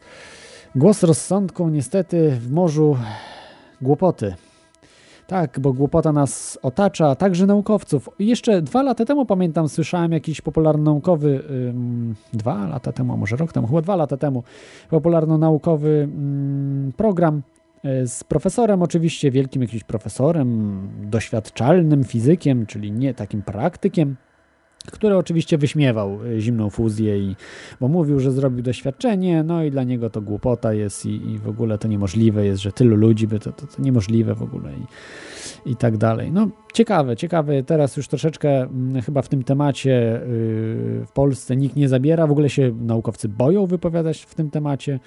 No, to jest dziwne trochę, bo można na tym dużo ugrać, jeśli e, jest to prawdą badać, coś, coś mówić w tym temacie, myślę, że to, to dzięki temu można potem wypłynąć, prawda, w morzu, w morzu tej całej mm, głupoty, która nas otacza. Ale okej, okay, no najważniejsze to, że, że o tym się mówi i, i, tego się już nie da zatrzymać. Dobrze, kolejna sprawa, która była w 2011 roku, to jest sprawa HHO, czyli HHO to jest taki jakby gaz Brauna, tak, tak określany. Mm, y, jest to absolutnie nieakceptowane przez naukę. Nie ma czegoś takiego. Y, jest tylko po prostu woda jako para. Mm, y, albo wodór osobno i tlen osobno, prawda? Gdzieś sobie tam, gdzieś sobie tam szaleją. Natomiast nie ma czegoś takiego jak HHO i ten gaz HHO mm, to jest Y, o, o, tym, o tym już mówiłem, co to jest. Najlepiej po prostu wysłuchać sobie dwa odcinki są, można troszeczkę o tym posłuchać, można na fora wejść, bo to jest naprawdę dłuższy temat. Ale dlaczego to jest y, w tym roku, y, w zeszłym roku było tak istotne? Bo zaczęło się wielu ludzi tym interesować w Polsce. Tysiące ludzi sobie wstawiają to do samochodów, niektórzy są zadowoleni, niektórzy nie. Nie jest to też tak prosto zrobić, ja też obiecywałem, że to zrobię, mam no, wszystko przygotowane niby, ale, ale no, zrobić to to też nie jest takie hop prawda, bo to trzeba tam sondę lambda szukać i tak dalej. Dlatego to jest, no, trzeba troszeczkę mieć zdolności e, manualnych e, i czasu też, i czasu, żeby testować. E, nie, lepiej nie robić po prostu coś na łapu capu, bo można też samochód sobie uszkodzić, jak ktoś nie zna się, więc, więc trzeba to bardzo rozważnie zrobić. Najlepiej ktoś, jak się na tym zna. To jest temat bardzo, bardzo ważny i, i ciekawy, yy, ze względu na to, że możemy sobie go zamontować sami, że to są już gotowe urządzenia, gotowe projekty. Tak, bo są gotowe projekty rozszerzonych urządzeń, bo te urządzenia sobie kupujemy, to są takie standardowe, żeby tam powiedzmy 20-30% na paliwie zaoszczędzić, niektórzy mówią 40%, a nawet do 60% dochodzą, no ale zakładając nawet 20% i tak dużo oszczędności są, to to możemy sobie sami zamontować, ale możemy rozszerzyć, jeżeli mamy zdolności, mamy czas, mamy wiedzę, mamy finanse, żeby sobie zacząć budować coś lepszego, większego, to można osiągnąć nawet i 100%. Czyli w ogóle nie będziemy korzystali z benzyny, tylko potrzebujemy powiedzmy akumulator na rozruch silnika i później dolewamy tylko wody. Tak, wody, podkreślam, to jest woda. Nie ma tutaj żadnego wodoru, tylko jest woda. Polega to na tym w HVO, że za pomocą akumulatora rozbijamy, czy alternatora, yy, yy, wodę na wodór i tlen, czyli zwykła elektroliza. Potem to wszystko do komory spalania silnika trafia i mamy oszczędności. To można by nawet wytłumaczyć, niektórzy mówią, nie tyle, mm, nie tyle, że zachodzą dziwne zjawiska, tylko to, że po prostu y, ulepsza się sprawność spalania w silniku i, i mamy lepszą sprawność, wydajność silnika. I to, na to od razu sceptycy mają, no jak, przecież na to by koncerny wpadły dawno temu. To niemożliwe, żeby nie wpadły, bo by to zastosowały u siebie. No, nie jestem tego taki pewien. Nie wiem, jakie jest wytłumaczenie tego. Niektórzy twierdzą, znam takich ludzi, e, którzy tego używają i, e, i, są zadowoleni i mówią, że są oszczędności. W internecie może, możecie nawet porozmawiać z tymi ludźmi. Zresztą też gościłem dwu, dwie takie osoby, e, pana Jerzego i, i choroba, no. Wypadło, wypadło mi imię drugiego pana. Przepraszam od razu. Hmm, czy sobie przypomnę? E, nie, chyba sobie nie, nie przypomnę teraz. E, no, nie, nie przygotowałem się tak dobrze, żeby kurczę, za, zawsze, zawsze, coś, zawsze coś wypadnie, jak wszystko, wszystko z głowy się mówi, dlatego warto czasami mieć jakieś kartki. E, no, także, także dwóch panów gości, gościłem w tym temacie i chcę zrobić jeszcze w marcu taką podsumowującą trochę audycję to będzie takie jakby trylogia, a później jeszcze jak uda mi się sobie zamontować, to już powiem dokładnie jak testy, bo obiecuję, że w 2012 na pewno przetestuję yy, to urządzenie. Yy, i wtedy, wtedy zobaczę sam, bo w tej chwili nie mogę na 100% powiedzieć, czy to działa, czy nie. No tak mi mówią ludzie, że działa. No, niektórzy też mówią, że nie działa. No, nie wiem, nie wiem jak jest, ale są urządzenia właśnie jak Josel, też możecie sobie sami to zmontować, to już to takie bardziej wymyślne. Tam powstaje jakaś plazma, jakieś zupełnie dziwne zjawiska. I powstają też y, takie rzeczy jak, y, znaczy powstały silnik Stanleya Mayera. On oczywiście został zamor znaczy zamordowany. No zmarł w restauracji, prawda? ale of oficjalnie zmarł. Wypadek jakiś tam był, ale nieoficjalnie wiadomo o co chodzi. No, po prostu został truty. Także nie łógł, bo też nie miał wyższego wykształcenia, ten pan Stanley Meyer, ale jeździł na samochodzie na, samochodem na wodę, tak? A wy nie, ja też nie. Więc, e, więc są tego typu rzeczy, e, że ludzie potrafią, potrafią budować. E, to nie jest jedyny przypadek, jest wielu właśnie ludzi, którzy twierdzą, że jeżdżą na samochodem na wodę. Mocne to są stwierdzenia, nie wiem, czy to jest prawda. Wydaje mi się, że coś jest na rzeczy, że, że być może jest możliwe. Mm, jest taka tutaj kwestia, że mm, może to właśnie być zachodzić, zachodzić tam jakieś zjawiska mm, związane z E, może zimną fuzją, właśnie, może właśnie tym LENR, a może jeszcze coś innego tam zachodzi. No trudno powiedzieć, to jest, to jest fizyka jeszcze nie, nie e, znana zupełnie, XXI wieku, więc a może tam nic nie ma, ale raczej to wykluczam. No tyle ludzi po prostu by nie, mm, nie fantazjowało, prawda? To już, to już nie, nie są dziesiątki, to są tysiące, setki tysięcy osób, które, które to stosują. A mało tego, to było stosowane i kiedyś, jeszcze w czasach II wojny światowej, tego typu rzeczy. Dobrze, mamy jeszcze raz krawca, coś yy, chyba bardzo się dobija, więc go odbiorę na szybko. Halo, witam, krawcze. Witaj ponownie, Klot. No, chciałem się y, oczywiście przyłączyć do tych głosów rozsądku y, dzisiaj różnych i mówiłeś wcześniej, że mógłbym, że mógłbym skonstruować jakiś silnik. Y, no, wiesz no, dobrze, że mam w Polsce. Pierwszy silnik y, Free Energy w Polsce skonstruowany. Czekamy. No to, no to ci powiem, to padniesz. No, Eureka, no, no skonstruowałem i, i mam go tu przed sobą. Działa, aż się kurzy. I ja mówiłem już kiedyś o, o, pomysłach swoich. W teorii chaosu to było jeszcze w czasach, kiedy teoria chaosu leciała w innym radio też. To były na przykład, to był silnik typu Kod plus e, kanapka z masłem do góry, czyli tak zwany kanapkot, e, chomiki, ziemniaki. E, był też Hulk e, napierdzielający piąchami i wydzielający przy tym promienie gamma, które są, jak wiadomo, największą siłą we wszechświecie. Były różne propozycje. Tym razem postanowiłem podejść do problemu trochę inaczej. W rezultacie moja maszyna jest zasilana na wodę, ale o tym za chwilę pomyślałem na początku, że dobrze um, ustalić jakieś fajne źródło za, zasilania, takie, które e, jest na wolną energię, e, samo ładujące się, odnawiające, ekologiczne, wytwarzające więcej energii niż samo potrzebuje. To jest taka cecha perpetuum mobile.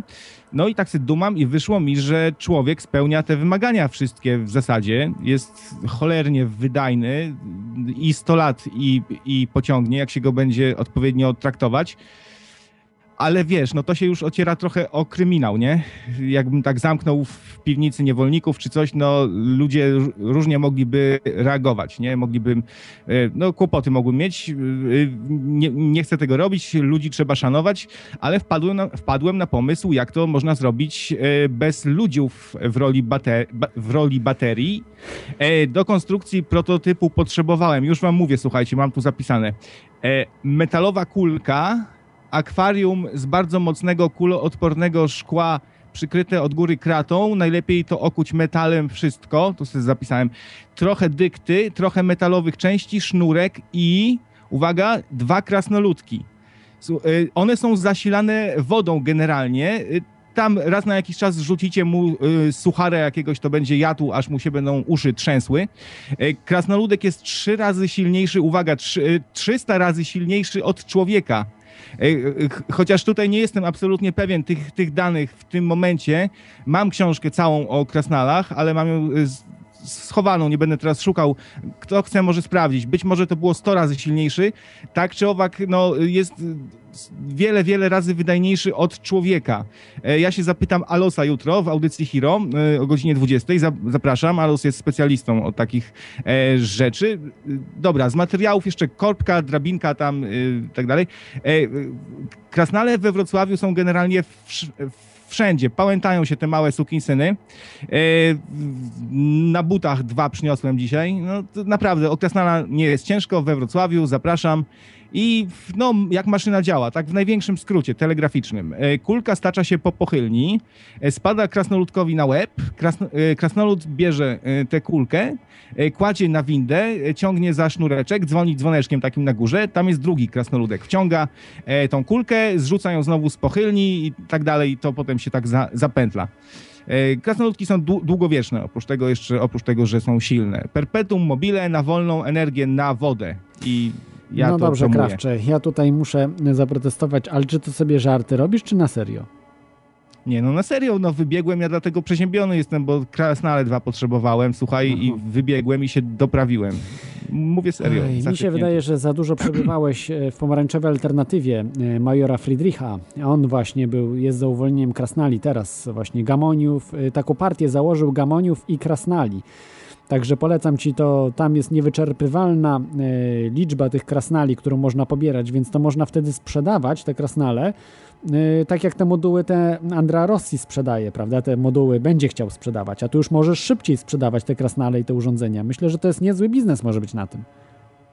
Wiesz co, no z, zmartwiłeś mnie trochę, bo mówisz, że on jest za uwolnieniem krasnali, a ja już im tu po, pobudowałem takie baraczki. No uwolnieniem, aha, uwolnieniem, no tak. Czyli, czyli nie możesz współpracować z pomarańczową alternatywą. Y, y, przepraszam, bo ja tu krzyczałem na krasnale. No nie mogę, nie mogę. Arbeit? Raus! Raus! Przepraszam. Tak. On, on, one już pracują tutaj. Mówię, aż się kurzy. Po prostu zostawiłem im na widoku maszynkę do mielenia mięsa i, ta, i, i tasaczek. Dobra, to ja słucham, przechodzę na odbiór, okay. będę tutaj e, pilnował. Chętnie jeszcze kiedyś zadzwonię i opowiem wam więcej o, o planetach jeszcze, bo to są naprawdę tajemnicze rzeczy. Opowiem wam historię starożytnych Polaków o dwóch bliźniakach, Księżycu i Słońcu. No, tak. Tak, to, to, to, to, pozdrawiam wszystkich i słucham dalej. Dobrze, dzięki Ci za ten telefon. Y, to było oczywiście na serio, ale ja w to nie wierzę, że był na serio. No nie wiem, to już sami musicie ocenić, czy to był na serio, czy, czy nie na serio, bo to jest oczywiście audycja y, bardzo poważna i no, tu wszystkim, co rozmawiamy, to jest, to jest wszystko na serio, prawda? Tutaj nie ma wszystko jest sprawdzone, tak jak w TVN-ie, Polsacie, czy też TVP, w, te, w tych telewizjach. Tam wszystko jest sprawdzone i u nas też jest sprawdzone. Okej, okay, ja myślę, że trzeba było się Tesli zapytać, czy to miałoby prawo działać z tymi krasnalami, bo ja nie jestem tego taki pewien, bo y, może być taka sytuacja, że krasnal nie wrzuci tej kulki w odpowiednie miejsce i się wszystko wtedy posypie, cała maszyna. Także to nie jest do końca sprawdzone. Ja bym w to nie wierzył jednak, to, to trzeba było najpierw sprawdzić. Ok, yy, wracamy do HHO. Tutaj mi właśnie zarzucali, że yy, tutaj na czacie, yy, no właśnie, możecie wejść na czata, radionafali.com, jest tam czat i możecie sobie wejść, albo przez zwykłego IRCA, ale najlepiej tam właśnie na stronie zobaczycie, jaki tam jest kanał IRC i tak dalej. Yy, dokładnie jest wszystko napisane, co i jak. Albo przez stronę właśnie www można, także to jest, to jest łatwiejsze. I na czacie właśnie napisali, że yy, ten HHO, raz mówię Właśnie mówiłem, że y, to jest zwiększa sprawność, a raz, że można w ogóle tylko na y, wodzie jechać. Mm, po prostu jest tutaj pewne niezrozumienie. Y, sprawność, tak niektórzy uważają, że pownosi sprawność, bo energetycznie, jak sobie policzymy ze szkoły średniej nawet, czy ze studiów, jak wiemy, jak to energetycznie wszystko działa w samochodzie, to powinniśmy więcej spalać paliwa niż mniej ze względu na to, że wykorzystujemy jeszcze energię z akumulatora do, y, czy alternatora, gdzie jest obciążenie na alternatorze i przyhamowywuje samochód tym samym, więc powinno być większe obciążenie na, bo ten proces po prostu tak jakby nic nie daje. On nie powinien nic dawać, a wręcz przeciwnie, powinno się spalanie zwiększać. I i niektórzy twierdzą, że dlatego to działa, bo może jest wydajność silnika podniesiona, bo z reguły chyba 30% jest wydajność silnika spalinowego, a może mniej, nie wiem, nie znam się dokładnie na, na tych sprawach, ale nie jest wysoka w każdym razie, więc być może tak to działa. Ale z drugiej strony tam być może działają jeszcze niepoznane prawa. I dzięki temu właśnie może to wykorzystał właśnie Stanley Mayer czy Joe, y, ten, który zrobił Josel, do wykorzystania, żeby tylko i wyłącznie na wodzie jechać co jest z naukowego yy, myślenia, takiego tempo naukowego myślenia, jest to niemożliwe, bo to jest perpetuum mobile.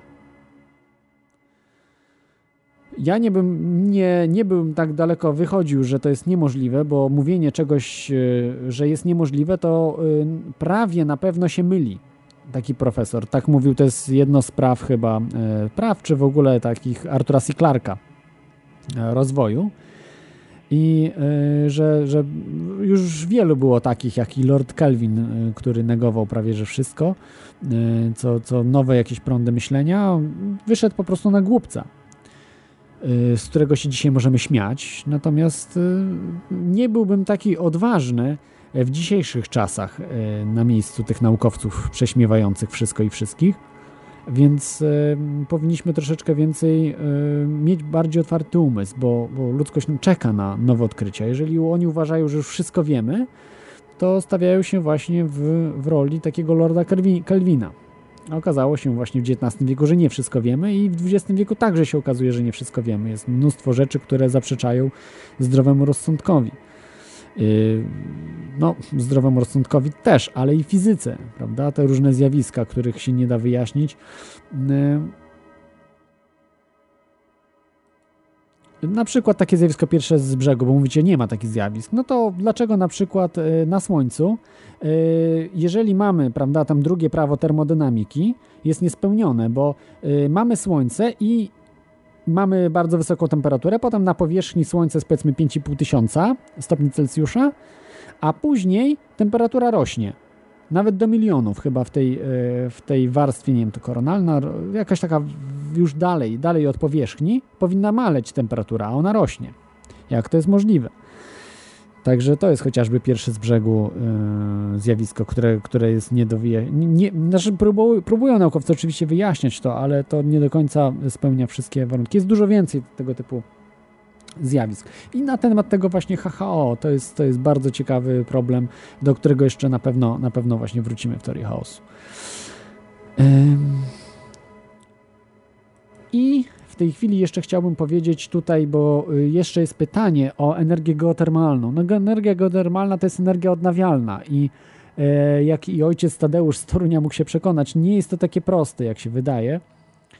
Oczywiście jest to energia, ale czy ona jest e, wszędzie i zawsze i free energy, czy spełnia ten warunek? E, śmiem wątpić, bo takie źródło też może się wyczerpać, prawda, tej ciepłej wody. Y, do końca nie wiadomo, prawda, skąd się wzięło y, ciepło w środku Ziemi i dlaczego jest piekło niemalże w, wewnątrz Ziemi, no ale, ale jest. I faktycznie te ciepłe wody są.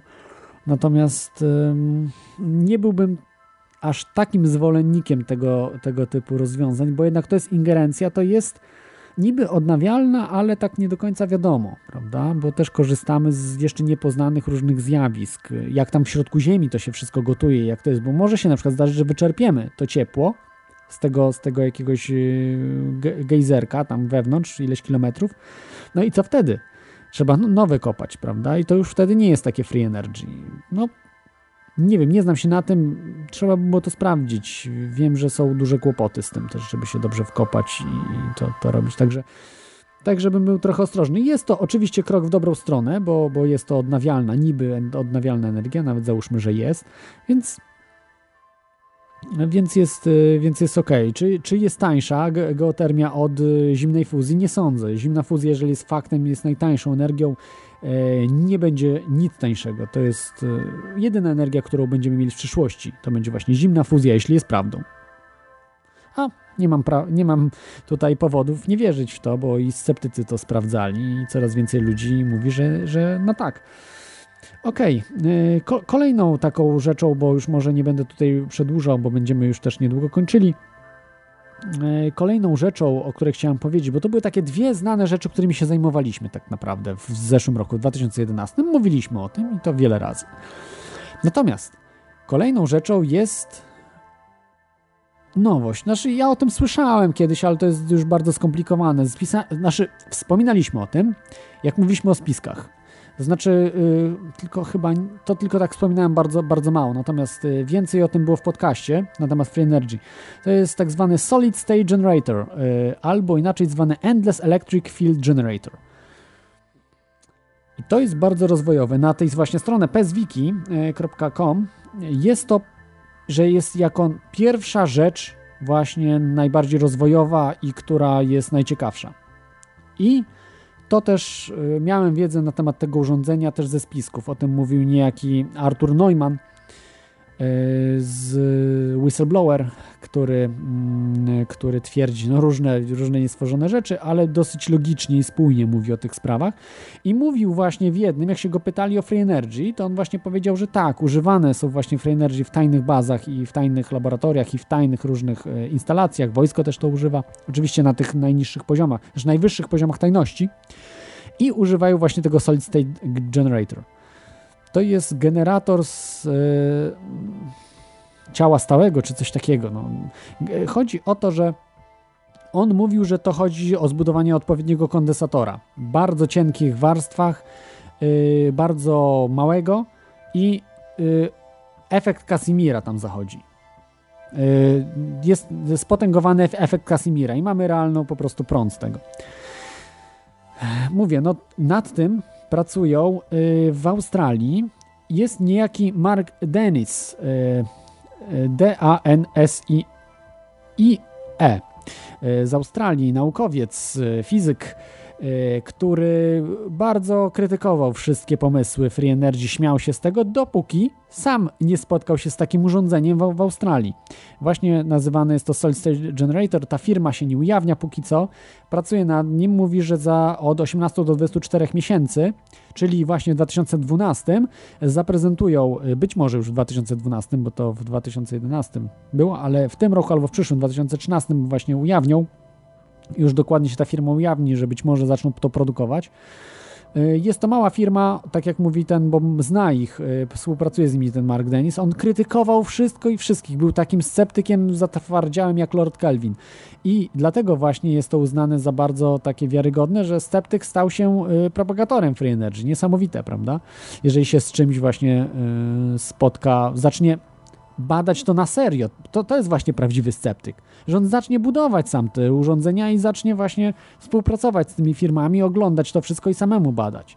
A nie na zasadzie, że szczekamy, prawda, że wszystko same głupki to są, yy, to nie istnieje. Nie, ten, to nie jest sceptyk, to nie jest naukowiec. Taki, który sam nie bada, tylko mówi, że to głupota, powinien się zamknąć. To jest po prostu teoretyk, który, któremu powinny być wszystkie tytuły zabrane.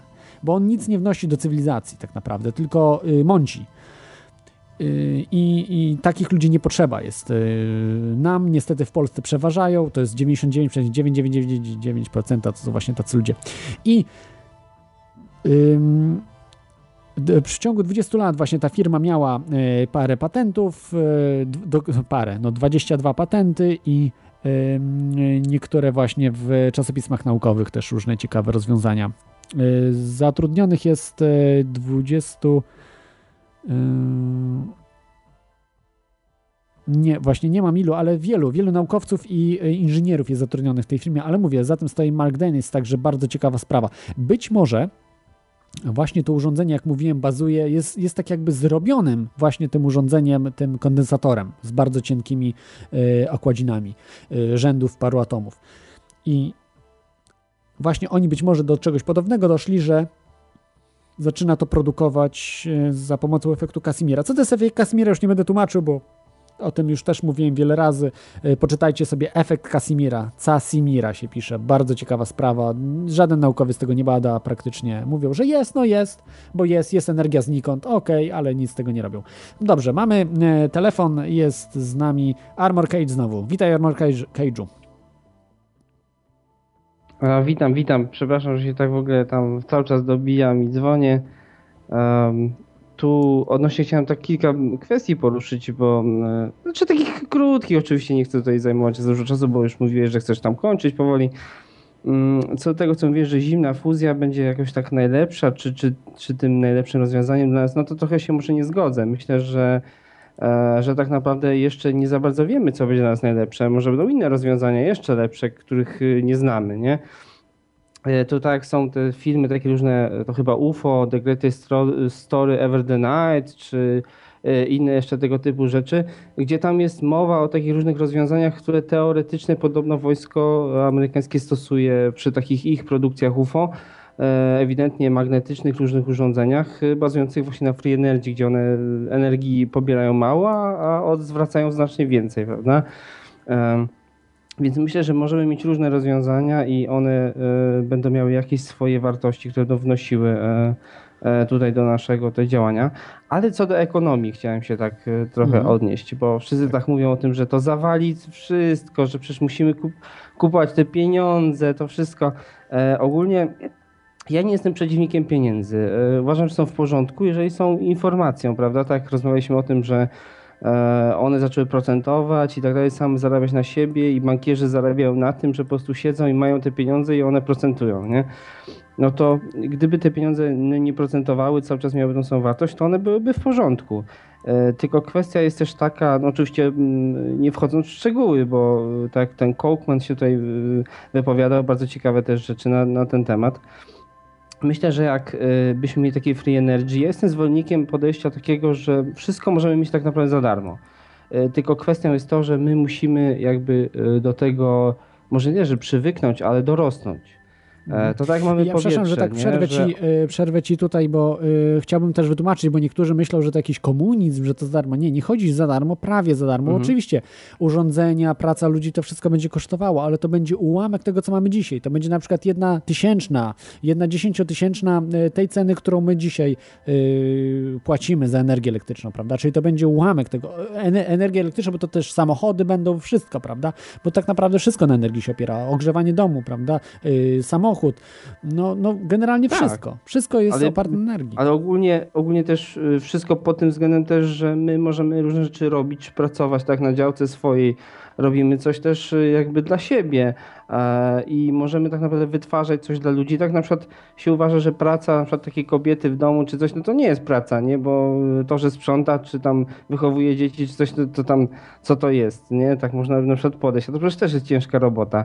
E, tutaj y, jakby ogólnie bardzo mówiąc y, o tym, całe nasze zachowanie, to w czym tak naprawdę wchodzimy, tak jak ty na przykład masz jakieś radio, nagrywasz audycję, robisz coś dla innych ludzi, E, to też jest praca, to jest twój wysiłek, to jest twoja energia, poświęcasz się temu, coś sprawdzasz, coś badasz. E, to jest, to jest bardzo istotne, a za to normalnie na przykład nie dostajesz takiego wynagrodzenia typu do ręki, kasę i tak dalej.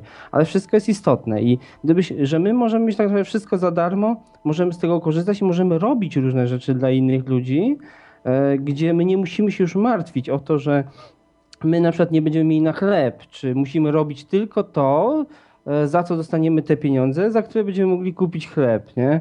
E, to też jest pewna taki, taka sprawa, więc y, jakby z tej kwestii ekonomicznej chodziło mi o to, że jeżeli będziemy mieli tą wolną energię, to już będziemy mniej wydawać e, na różne rzeczy takie właśnie jak ta żywność i tak dalej, ale też z drugiej strony za pracę myślę, że też będziemy mniej dostawać, bo bo przecież takie firmy, e, one mniej będzie kosztowało to, ten, ten, ten produkt wyprodukowany przez tą firmę, e, to automatycznie, teoretycznie my powinniśmy dostać mniej pieniędzy pracując w takiej firmie, no nie?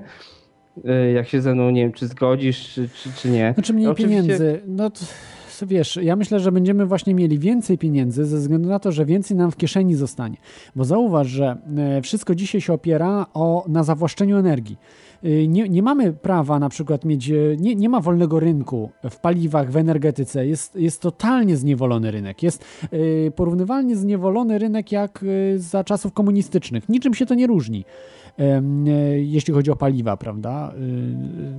Znaczy to prawda, jest monopolista jakiś i on ma łapę na tym i, na i cześć. Nie? I w każdym musimy... kraju praktycznie.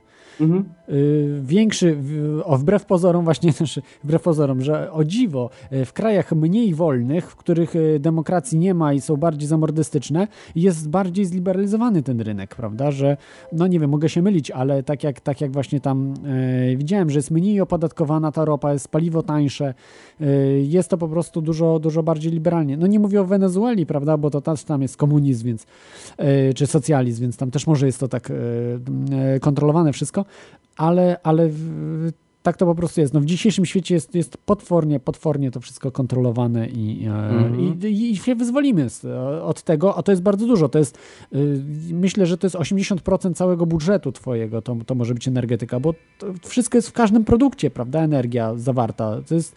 Mm, no dziś, to dziś jest... to jest nasze główne uzależnienie, myślę e, taki komputer, to na co chodzi? No przecież na, na taki powiedzmy prąd, tak? Energię elektryczną. No to jesteśmy od tego uzależnieni. Jak tego by nie było, e, wracamy, tak można powiedzieć, troszeczkę do epoki kamienia łupanego, gdzie uży, używamy łopaty, używamy czego? Grabi. E, to jest to, czego możemy skorzystać, no nie? Mhm. Tak, tak jak poniekąd, prawda? Bo, bo jeszcze pomijając te paliwa, że, że tam jakieś pojazdy chodzą, chodzą na jakieś paliwo, wiadomo, to, które wydobywamy. No ale dobrze, jakby nie poruszając tej kwestii ekonomicznej, no bo to też pewnie audycja powinna być. Tak, ale ja myślę, że to jest dobry pomysł, żeby zrobić, bo to jest fenomenalna sprawa, ale wtedy musiałbym zaprosić gościa ekonomistę. Ja bym po prostu był takim ekspertem w cudzysłowie od Free Energy i, mhm. I bym z ekonomistą właśnie jakimś, który zna się tak na globalnej, na makroekonomii, yy, przedyskutować, jak zmieniłby się świat, jakby to wszystko było, po prostu zazębiało się, bo nigdy nie słyszałem takiej audycji, byłabym myślę, że fajna, o Free Energy, yy, czyli świat po Free Energy, po Disclosure, czyli nastąpiło to ujawnienie, yy, tak jak te książki powstają już na temat UFO, co będzie po ujawnieniu, że kosmici istnieją, prawda? Co będzie się działo? To jest z kosmitami jest dużo bardziej skomplikowany y, y, y, rzecz. Ale poniekąd powiązane, bo oni pewnie też free energy no, wykorzystują no, na, na bank. Mają, no, ale na pewno nam nie dadzą, także to co z tego, że będziemy wiedzieli o nim, ale oni nam nie dadzą, natomiast, ale jest, free energy jest ale prostsze. Ale na pewno tak, tak uważasz, że, że nie mogą nam dać, że są tacy powiedzmy... A, a ty znaczy, dajesz dziecku zapałki? Albo dajesz żylet, znaczy, żyletkę zapałki, dziecku? To jest ale daje dziecku też y, oddychać, tłumaczę, że może skorzystać z tego i z tego, żeby e, ten garnek no, ale nie dajesz nie rzeczy, techniki, zaawansowanej techniki nie dajesz, tak samo małpie też nie dajesz różnych rzeczy, brzytwy, bo się potnie. I, i tak samo znaczy, z dzieckiem. No, zgad, My powiedzmy jesteśmy dzieckiem, dla nich no w cudzysłowie taki poziom jest, więc e, no, nie mogą nam tego dać, bo to sobie sami zaszkodzimy, to raz, a dwa, im możemy zaszkodzić też, bo jeżeli, no powiedzmy, że, że im. Dlatego absolutnie, no to, znaczy, to, nie ja jest tak, uważam, tak, że, że, słuchaj, no jak masz y- jakąś technologię, ktoś nie ma żadnej technologii, to ty musisz coś im dać za to, prawda? I oczywiście był podobno taki deal, że amerykański rząd dostał y, technologię w zamian za pozwolenie mm, na to, żeby obcy sobie mogli robić z nami co chcieli. Zresztą to no ale taka... czekaj, ale to jest mhm. też z drugiej strony, bo ja się tak wtrącę, to z drugiej strony można powiedzieć z tymi trochę bardziej takimi złymi obcymi, bo no, te deale wiesz, no, właśnie, o których Jakby byli źli, to byś nikogo nie pytali. Nie pytaliby ale... się nikogo, a oni zrobili jednak mhm. pewien deal, prawda? Czyli, czyli jednak mają jakąś, jakieś morale, jakieś jakieś umowy. Ale podobno prawda? są rasy też takie pozytywne do nas nastawione, na przykład to one no, by nam podobno. bardziej, myślę, powiedziały, z czego możemy skorzystać no, albo jaką no drogą pójść. Oni, tak, to mogą, to i to mówią, ale na pewno nie dadzą nam technologii, bo wiedzą, czy, czym to się, wiesz, możesz y, wykorzystać energię atomową w wyrobieniu elektrowni, właśnie takich urządzeń, mhm. ale na pewno powstaną też y, wersje do robienia broni do, no do ja się z tą zgadzam. No, no atomica bardzo... to jest tak samo, to jest negatywna broń, można powiedzieć. Znaczy negatywna forma energii, nie? No bo takie odpady No właśnie nie, ona jest i pozytywna i negatywna, więc to y, po prostu y, na pewno negatywną jest broń jądrowa, prawda? Bo to y, może zniszczyć Ziemię i podobno już miała być Ziemia zniszczona wiele razy, ale tu akurat kosmici ingerują. Nie wiem dlaczego, bo powinni e, dać wyginąć nam, ale może mają tu swoje bazy, może mają jakieś cele różne, więc więc chronią. Mm. może ja traktują to jako zoo, nie? Jako zoo i też na przykład ludzie też w zoo, prawda, bronią jednego zwierzęta przeciwko mm. drugim, że, żeby się nie powybijały, nie, nie, nie pozabijały te zwierzęta, więc jakoś też tam... Ja się, ja się kiedyś śmiałem z kolegami, że e, może jest tak, że wiadomo, się jakoś tam wcielają w nas, czy upodobniają do nas i może są na przykład e, wakacje na ziemi, tego, reklama, e, przeżyj sobie tydzień w rasie mniej rozwiniętej, czy coś takiego. Zresztą e, tu czytam e, na takim czacie, e, Plusio napisał, ale bzdury walicie, nie ma dobrych obcych, bo gdyby byli, to by się nie ukrywali. No i myślę, że chyba są właśnie dlatego obcy, że się ukrywają, bo przecież tak jak mówiłeś o tych Indianach i zresztą nie tylko ty i wielu ludzi, e, że przecież e, gdyby przylecieli, to by, no można powiedzieć, zniszczyli naszą cywilizację. No, no zniszczyli tak przez samo to, że jest, że jest kontakt, że sa, samo to, że jest kontakt, bo każdy ktoś potem będzie ciekawski, będzie się przedostawał i tak kosmici się spotykają przez, z Ziemianami, jeśli wierzyć mhm. tym spotkaniom, prawda? No ja nigdy, nigdy się nie spotkałem z kosmitą, ale ale yy, no dlaczego mam nie wierzyć tym ludziom, którzy się spotykali, bo to nie tylko, to się też spotykali wojskowi, yy, inteligentni ludzie, profesorowie, tylko oczywiście im inteligentniejszy, tym mniej o tym mówi bo taki człowiek e, z mniejszym, e, mniejszy, słabszym wykształceniem, słabszą pozycją, nie boi się o tym mówić, bo słabo mu to zaszkodzi, powiedzmy, prawda? Natomiast jeżeli ktoś ma pozycję, to boi się o tym mówić, bo wie, że może stracić e, wiele, jeśli o tym mówi. Ja też więc... powiem, że może w drugą stronę, bo ci bardziej inteligentni wiedzą, jak mniej więcej świat jest skonstruowany i, no tak. i oni jakby coś mają, no tak, to tak, wiedzą, że jak oni by mhm. nagle opowiedzieli o tym, takim czymś, co jest dla ludzi w większości, czy tam pewnej grupy niezrozumiałe, albo dziwne, albo śmieszne z jakiegoś powodu, to, to, to oni by się ośmieszyli. No to oni, żeby, żeby właśnie tego nie zrobić, to oni z tej swojej mądrości, że to im tak się mówi, że głupi nie zauważy, mądry uderze nie widzi, nie? To mhm. tutaj powiedzą, że, że tu nie ma, chyba nie, to a może gdzieś tam są, ale nie wiadomo. I, i tak niby, niby dookoła, e, ale żeby po prostu im się nic nie stało, nawet jeżeli wiedzą coś, e, żeby po prostu o tym nie powiedzieć. No tak. Słuchaj, ale... to ja mam jeszcze tak na hmm? koniec ostatnie pytanie, bo będę już ciebie zrzucał, ale tak ostatnie... O, ty, ty, to, to, jak, jak ktoś dzwoni inny niż krawiec, to już zrzucasz, tak? Nie, ja no krawca, krawca też zrzucałem, nie, bo po prostu muszę, muszę już kończyć, bo y, jasne, potem dziwne jasne, rzeczy się jasne. zdarzają. Ale czekaj, jeszcze tylko wspomnę przed tym ostatnim Dobra, pytaniem. E, dla wszystkich, e, e, którzy słuchają o tym HHO, bo ja na przykład jak HHO słuchałem te, te odcinki, to tak myślałem tak trochę mm, woda, niby gaz. A, pan Alfred był, przepraszam, przypomniałem się... sobie tak, z panem Alfredem był mhm. drugi odcinek. Także powiem tak, gdyby to tak posłuchać, jak się to tak słucha, to tak ciężko troszeczkę dojść do czegoś, nie? I ja właśnie tu mówię tak, wielu ludzi jest takich wychowanych, wiadomo, na telewizji e, i tak dalej. To ja po prostu mówię do wszystkich słuchaczy, e, po prostu popatrzcie, e, jak był właśnie ten The UFO Greatest Story Ever the Night, tam był ten fragment, poszukacie po prostu e, na Fox News, HHO, e, Fuel czy coś w tym stylu. Tam jest po prostu gościu, ten, który to po prostu wymyślił. On pokazuje, jak to zamienił, jak y, chciał właśnie palniki y, wykorzystać z wody, jak zaczął je tworzyć, że on normalnie metal czy coś przycinają. To tak, to, to są tak a, zwane, a, właśnie o tym miałem, miałem dokończyć, y, o tym mhm. powiedzieć na sam koniec, ale to już później, później powiem. O, no tak, tak, sobie także możecie zobaczyć, prawda, to, że mainstream, oczywiście zagraniczny mainstream, bo nie polski, mhm. polski mainstream to milczy na ten temat, natomiast zagraniczny, tam raz chyba była wzmianka w TVN-ie, ale to było o takich innych, nie tyle HHO instalacjach, co bardziej o, y, o gmu, gmu, Gmulak chyba, y, pan y, Hmm. Taki też wynalazca, mm, naukowiec chyba też z drugiej strony, który Gulak chyba, przepraszam, jeżeli przekręciłem, on zastosował u siebie taki czajnik z wodą, no taka, że też ma niby oszczędności, ale to, to już może o HHO wtedy, wtedy powiem mhm. w, tym, w tym temacie, bo to jest też ciekawe. No, ale właśnie o to chodzi, żeby ludzie szukali, że nawet są normalnie w zwykłych mediach jakieś dostępne filmiki, gdzie oni popatrzą, że jest logo E, takiego Fox News czy, czy, czy jakiegoś BBC, to rzeczywiście to ma jakąś wartość dla nich, nie? Żeby popatrzyli i widzieli, że to rzeczywiście jest, że to działa, jak to wygląda, bo to jest też ważne, żebyśmy widzieli. No, no ale dobra, no to żeby już tak wiadomo nie, nie mieszać, bo już ludzie, ci co, ci, co słuchają teorii no. chaosu, to pewnie sami sprawdzą, ale... Tak, tak, ale polecamy sprawdzać wszystko i, i, nie wierzyć, nie wierzyć mainstreamowi, tylko samemu sprawdzać. Y, Słuchaj, no to y, czy wiesz właśnie ten Solid State Generator, czy o nim kiedyś słyszałeś właśnie w Australii, że, że coś takiego montują, czy, czy y, tego typu, czyli zupełnie z innej strony, jakiś taki właśnie oparty na kondensatorach, czy czymś takim? Ale to żeś mi zadał pytanie, no specjalnie, żeby mnie zrzucić.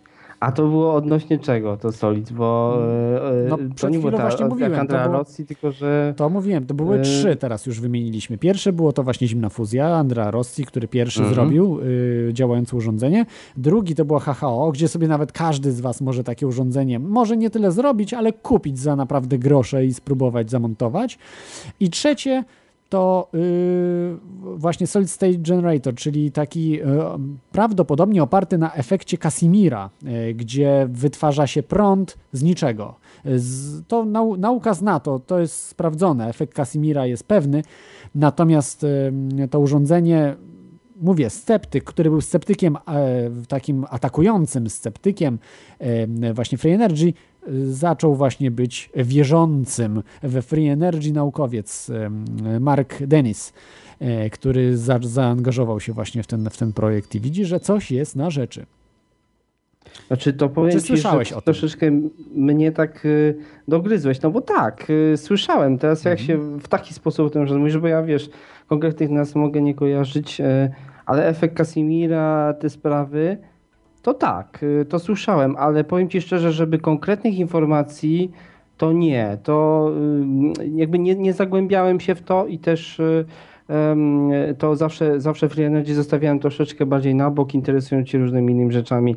Dlatego tu akurat hasła są mi e, znane, ale nie mam faktów, nie? E, konkretnych informacji. Dlatego tu ci, tu ci nic nie powiem sensownego ani, tak, ani wartościowego. To jest, to jest e, no, no, nowy temat, znaczy nie jest nowy temat, bo efekt Casimira był w 47 albo 9 roku wynaleziony.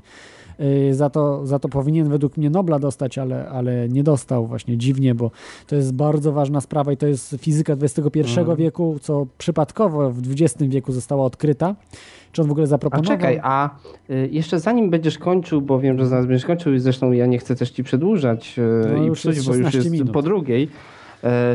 Y, to y, zanim je zrzucisz, to jeszcze chciałem tak wspomnieć, bo pamiętam, że zawsze dzwonił taki słuchacz odnośnie zimnej fuzji i tak dalej. To czemu on dzisiaj nie, słu- nie mam nie pojęcia, dzwonił? Nie mam pojęcia właśnie, właśnie, dużo on właśnie wie na temat Free Energy, właśnie szkoda, szkoda, że nie dzwonił. No trudno, no ja, właśnie, ja nie mogę Ja zawsze proponowałem i tutaj zresztą na IRCU i, i tak dalej proponujemy, żeby on tak nieraz coś miał jakiegoś swojego, czy audycję. Bo wiadomo, że e, ty jesteś jednym człowiekiem, nie możesz wszystkiego zrobić, to jest normalne. Przecież są ludzie w, w radiu tutaj to wiadomo, że wszystkim się jeden człowiek nie zajmie, więc też mógłby, e, zachęcamy przynajmniej ja tutaj. Chyba tak wiem dlaczego, bo nie mamy telefonu, powiem. bo na, chyba przez Skype'a nigdy nie dzwonił właśnie zawsze z telefonu, mm -hmm. więc jak będzie telefon, to ale myślę, gdyby słuchał, ale gdy, gdyby tak, słuchał. Pozdrawiamy że... słuchacza. Oczywiście, pozdrawiamy. I, I gdyby słuchał MP3 później, to, to ja tak oficjalnie chciałem powiedzieć, że może on by jakąś nagrywał jakiegoś podcasta no, czy coś super by było, do, super by było, do radia i wtedy z tymi informacjami wszyscy byśmy się z chęcią zapoznawali, bo mhm.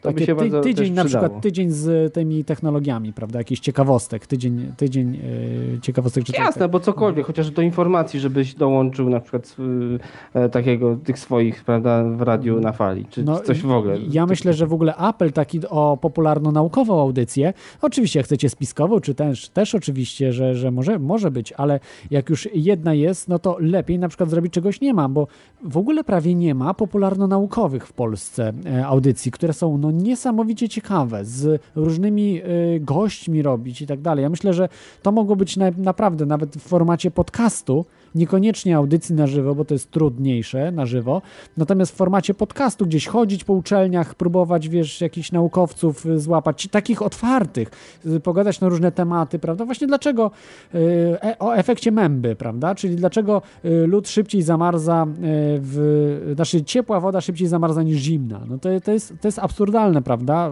Wydaje się, a jednak mhm. nie, jednak tak jest.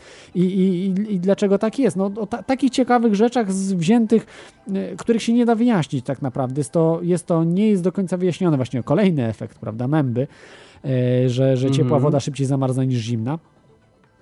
A to jest więcej takich też, no. E, takich niewyjaśnionych rzeczy, które są niby proste, niby przy nas, blisko nas, a naukowcy nie potrafią tego no, wyjaśnić. No zgadza się, jest takich dużo i, i, właśnie te, a nawet takich ciekawych rzeczach, yy, prawda, yy, z, z, z, dnia codziennego, prawda, o prądzie elektrycznym. Mhm. Dlaczego, dlaczego, prawda, jest niebezpieczny prąd, że, że jak złapie, prawda, y, w gniazdko złapie tam wtyczkę czy coś może mnie zabić, prawda?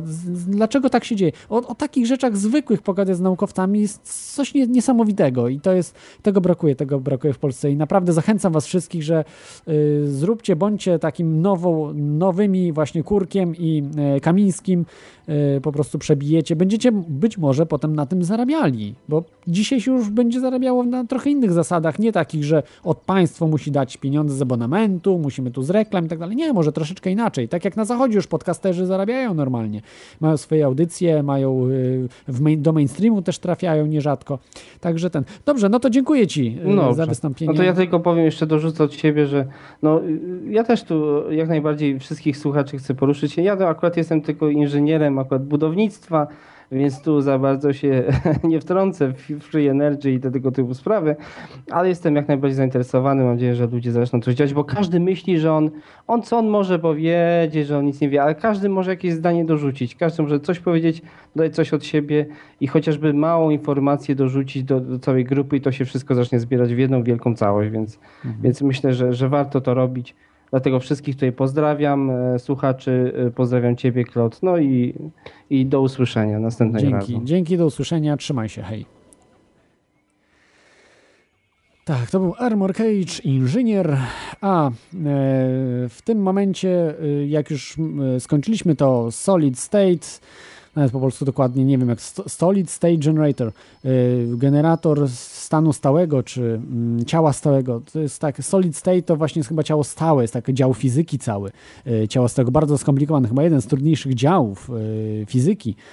Mm, oparty o y, mechanikę kwantową, o takie właśnie jakieś bardzo już złożone rzeczy, o, elektronikę, jakieś takie dziwne, dziwne dziwności, bardzo skomplikowane. To teraz przejdźmy do y, rzeczy też skomplikowanych.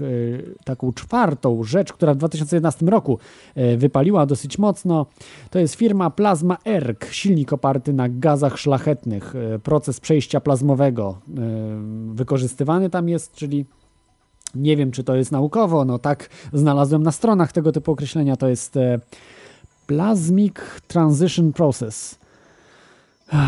Proces przejścia plazmowego. To w sumie ja przetłumaczyłem tak. E, być może to zupełnie o co innego chodzi, ale wiecie, wiecie co je, wiecie o co chodzi, prawda? Są, jest gaz szlachetny, fajnie to urządzenie wygląda, zaraz wam tu linka podam na czacie, jeżeli jesteście. E, później też postaram się linki dać z tego wszystkiego. Y, bardzo, y, ba, bardzo ciekawe urządzenie, ładnie wygląda, wygląda trochę jak jakoś, jakieś, jakieś działo, y, działo plazmowe, nie ma chyba dział plazmowych, ale coś takiego, coś tak przypomina trochę tego typu urządzenia z jakiejś science fiction zupełnie. Jest ono oparte, to właśnie, mm, nie, to nie jest działo, no silnik ten oparty ten plazm, plazmowy, nie, tak, tak to określmy, jest oparte na silniku Józefie, Józefa Pap, Papa. Y, Joseph Pap, y, przez 2P pisane y, na końcu. On wynalazł właśnie silnik Papa, Pap Engine. Mm, oni ulepszyli tam, nazywają to już trzecią generacją tych silników PAPA, e, właśnie ten silnik plazmowy. Na wyjściu ma moc 120 koni mechanicznych, to co możecie właśnie sobie zobaczyć na, na, na, na grafice, na e, właśnie na e, forum. Także właśnie będzie w linkach jako już będzie podcast. 120 koni mechanicznych, niedużo, ale robi wrażenie. Nie jest duży silniczek, a to już jest spora moc. Szczególnie, że być może aha, na wyjściu 120 koni mechanicznych, to już jest chyba sporo. Y, ja myślę, że właśnie ten e, silnik tego papa, czy ten plazmowy, może właśnie działać. Y, coś podobnego, co się dzieje właśnie w plazmie, na przykład w pistoletach plazmowych, czy też palnikach plazmowych. Są takie palniki plazmowe, które wytwarzają bardzo wielki, o wielkiej, no to jest można by powiedzieć, że to jest właśnie e, ogień z wody, palniki plazmowe. Rozszczepiany jest właśnie, zachodzi to, co się dzieje w JOSEL e, mniej więcej, czyli rozszczepiamy na e, wodę i wodór, przepraszam, wodę rozszczepiamy na wodór i tlen i potem je w odpowiedni sposób łączymy, bardzo drastyczny i uzyskujemy plazmę. Tą plazmą można ciąć wszystkie metale, nawet wolfram, wszystko, bo to ma chyba 5000 stopni. Nie będę tutaj mówił ile, ale dużo, dużo, że wszystko wtedy y, pod, ulega zniszczeniu. Anihilacji, nie, no nie, nie anihilacji oczywiście, ale zniszczeniu, tak, takim, to jest temperatura słońca, a może i większa, nie wiem. I być może właśnie tu też zachodzi. Był niejaki profesor Michał Gryziński, który y, badał te, te rzeczy w świerku właśnie w tym, w tym reaktorze takim badawczym. Oczywiście został niby wyśmiany oficjalnie, ale tak naprawdę y, naukowcy się przyglądali tym badaniom, bo to naprawdę były bardzo ciekawe. On y, miał, pokazywał, że nie wszystkie zjawiska zachodzą tak, jak powinny, tak jak oficjalna nauka mówi i E, wykazywał, że tam właśnie na zasadzie tworzenia plazmy tworzą się ciekawe rzeczy. I być może właśnie w tym silniku jest właśnie to, co uzyskiwał pan Michał Gryziński. Oczywiście Michał Gryziński był, nie był teoretycznym fizykiem, tylko praktycznym, ale nie tworzył różnych urządzeń, tylko korzystał, badał. Bo też trzeba odróżnić inżyniera od naukowca praktycznego. Bo naukowiec praktyczny ma jakieś tam urządzenia, potrafi jakieś tam proste, może nawet nie proste, ale urządzenia, których praktycznie się nie da wykorzystać w przemyśle i coś tam buduje. I taki był właśnie Michał Gryziński, bo są jeszcze w ogóle teoretycy, którzy się tylko teorią zajmują. A są właśnie inżynierowie, którzy, którzy są podstawą rozwoju, tak naprawdę są inżynierowie dzisiaj. Yy, Okej, okay, tutaj widzę, że yy, nie, no acetylen to jest, to jest dużo mniejsza temperatura. Poczytajcie o palnikach plazmowych, to są dużo większe temperatury niż yy, acetylen, spalanie jakiegokolwiek gazu. Także to jest łączenie właśnie tlenu z, yy, z wodorem w odpowiedni sposób i naprawdę to można nawet kupić, Rusty to sprzedają, sprzedawalniem za 1500 zł chyba już można kupić. Yy, po prostu paliwem jest woda, podłączamy do prądu yy, i uzyskujemy naprawdę niesamowite efekty. Polecam, jeżeli ktoś chce badać tego typu, polecam palniki plazmowe. Nie wiem, czemu jest to bardzo mało znany temat. Yy, to nie jest żaden acetylen, także. Także polecam bawić się, bawić się takimi rzeczami, wynajdować. To chyba będzie tyle na dziś. Możecie jeszcze dzwonić. O, mamy Oskara, jeszcze chciałby pewnie coś, ale rozłącza go cały czas, także Także dzwońcie. Jeszcze macie ostatnie y, parę minut, żeby porozmawiać na różne tematy. I będziemy zaraz kończyli, ale jeszcze tak chciałbym tutaj do, dokończyć, że myślę, że Free Energy jest najważniejszym tematem, bo jest praktycznym. UFO jest od nas niezależne, prawda? To oni będą musieli się z nami skontaktować. Natomiast Free Energy to my jesteśmy za ten temat odpowiedzialni. My, jako naukowcy, jako ziemianie, jako inżynierowie przede wszystkim. Jest z nami krawiec, coś ma chyba za, do zaprezentowania o tym swoim silniku, tak? O... Witam, to my, krasnoludki. Mamy krawca. Sukinsyn dał nam tylko pół kotleta. Tego było za wiele. Przebiliśmy akwarium. Jesteśmy uzbrojeni w widelce i noże. Albo dacie nam przynajmniej trzy czwarte kotleta, albo nie robimy. W zamian Możemy się zobowiązać, że nie będziemy sikać wam już do mleka. Czas na odpowiedź macie do jutra. Nasz bur.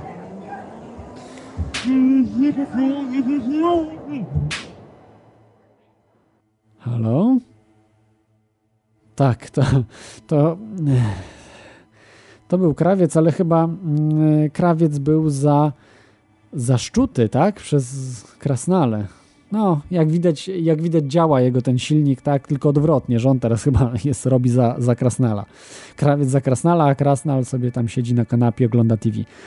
No, nie, krawiec nie miał nigdy TV, no to pewnie radia, radia na fali sobie słucha, tak, i właśnie teorii chaosu i się śmieje.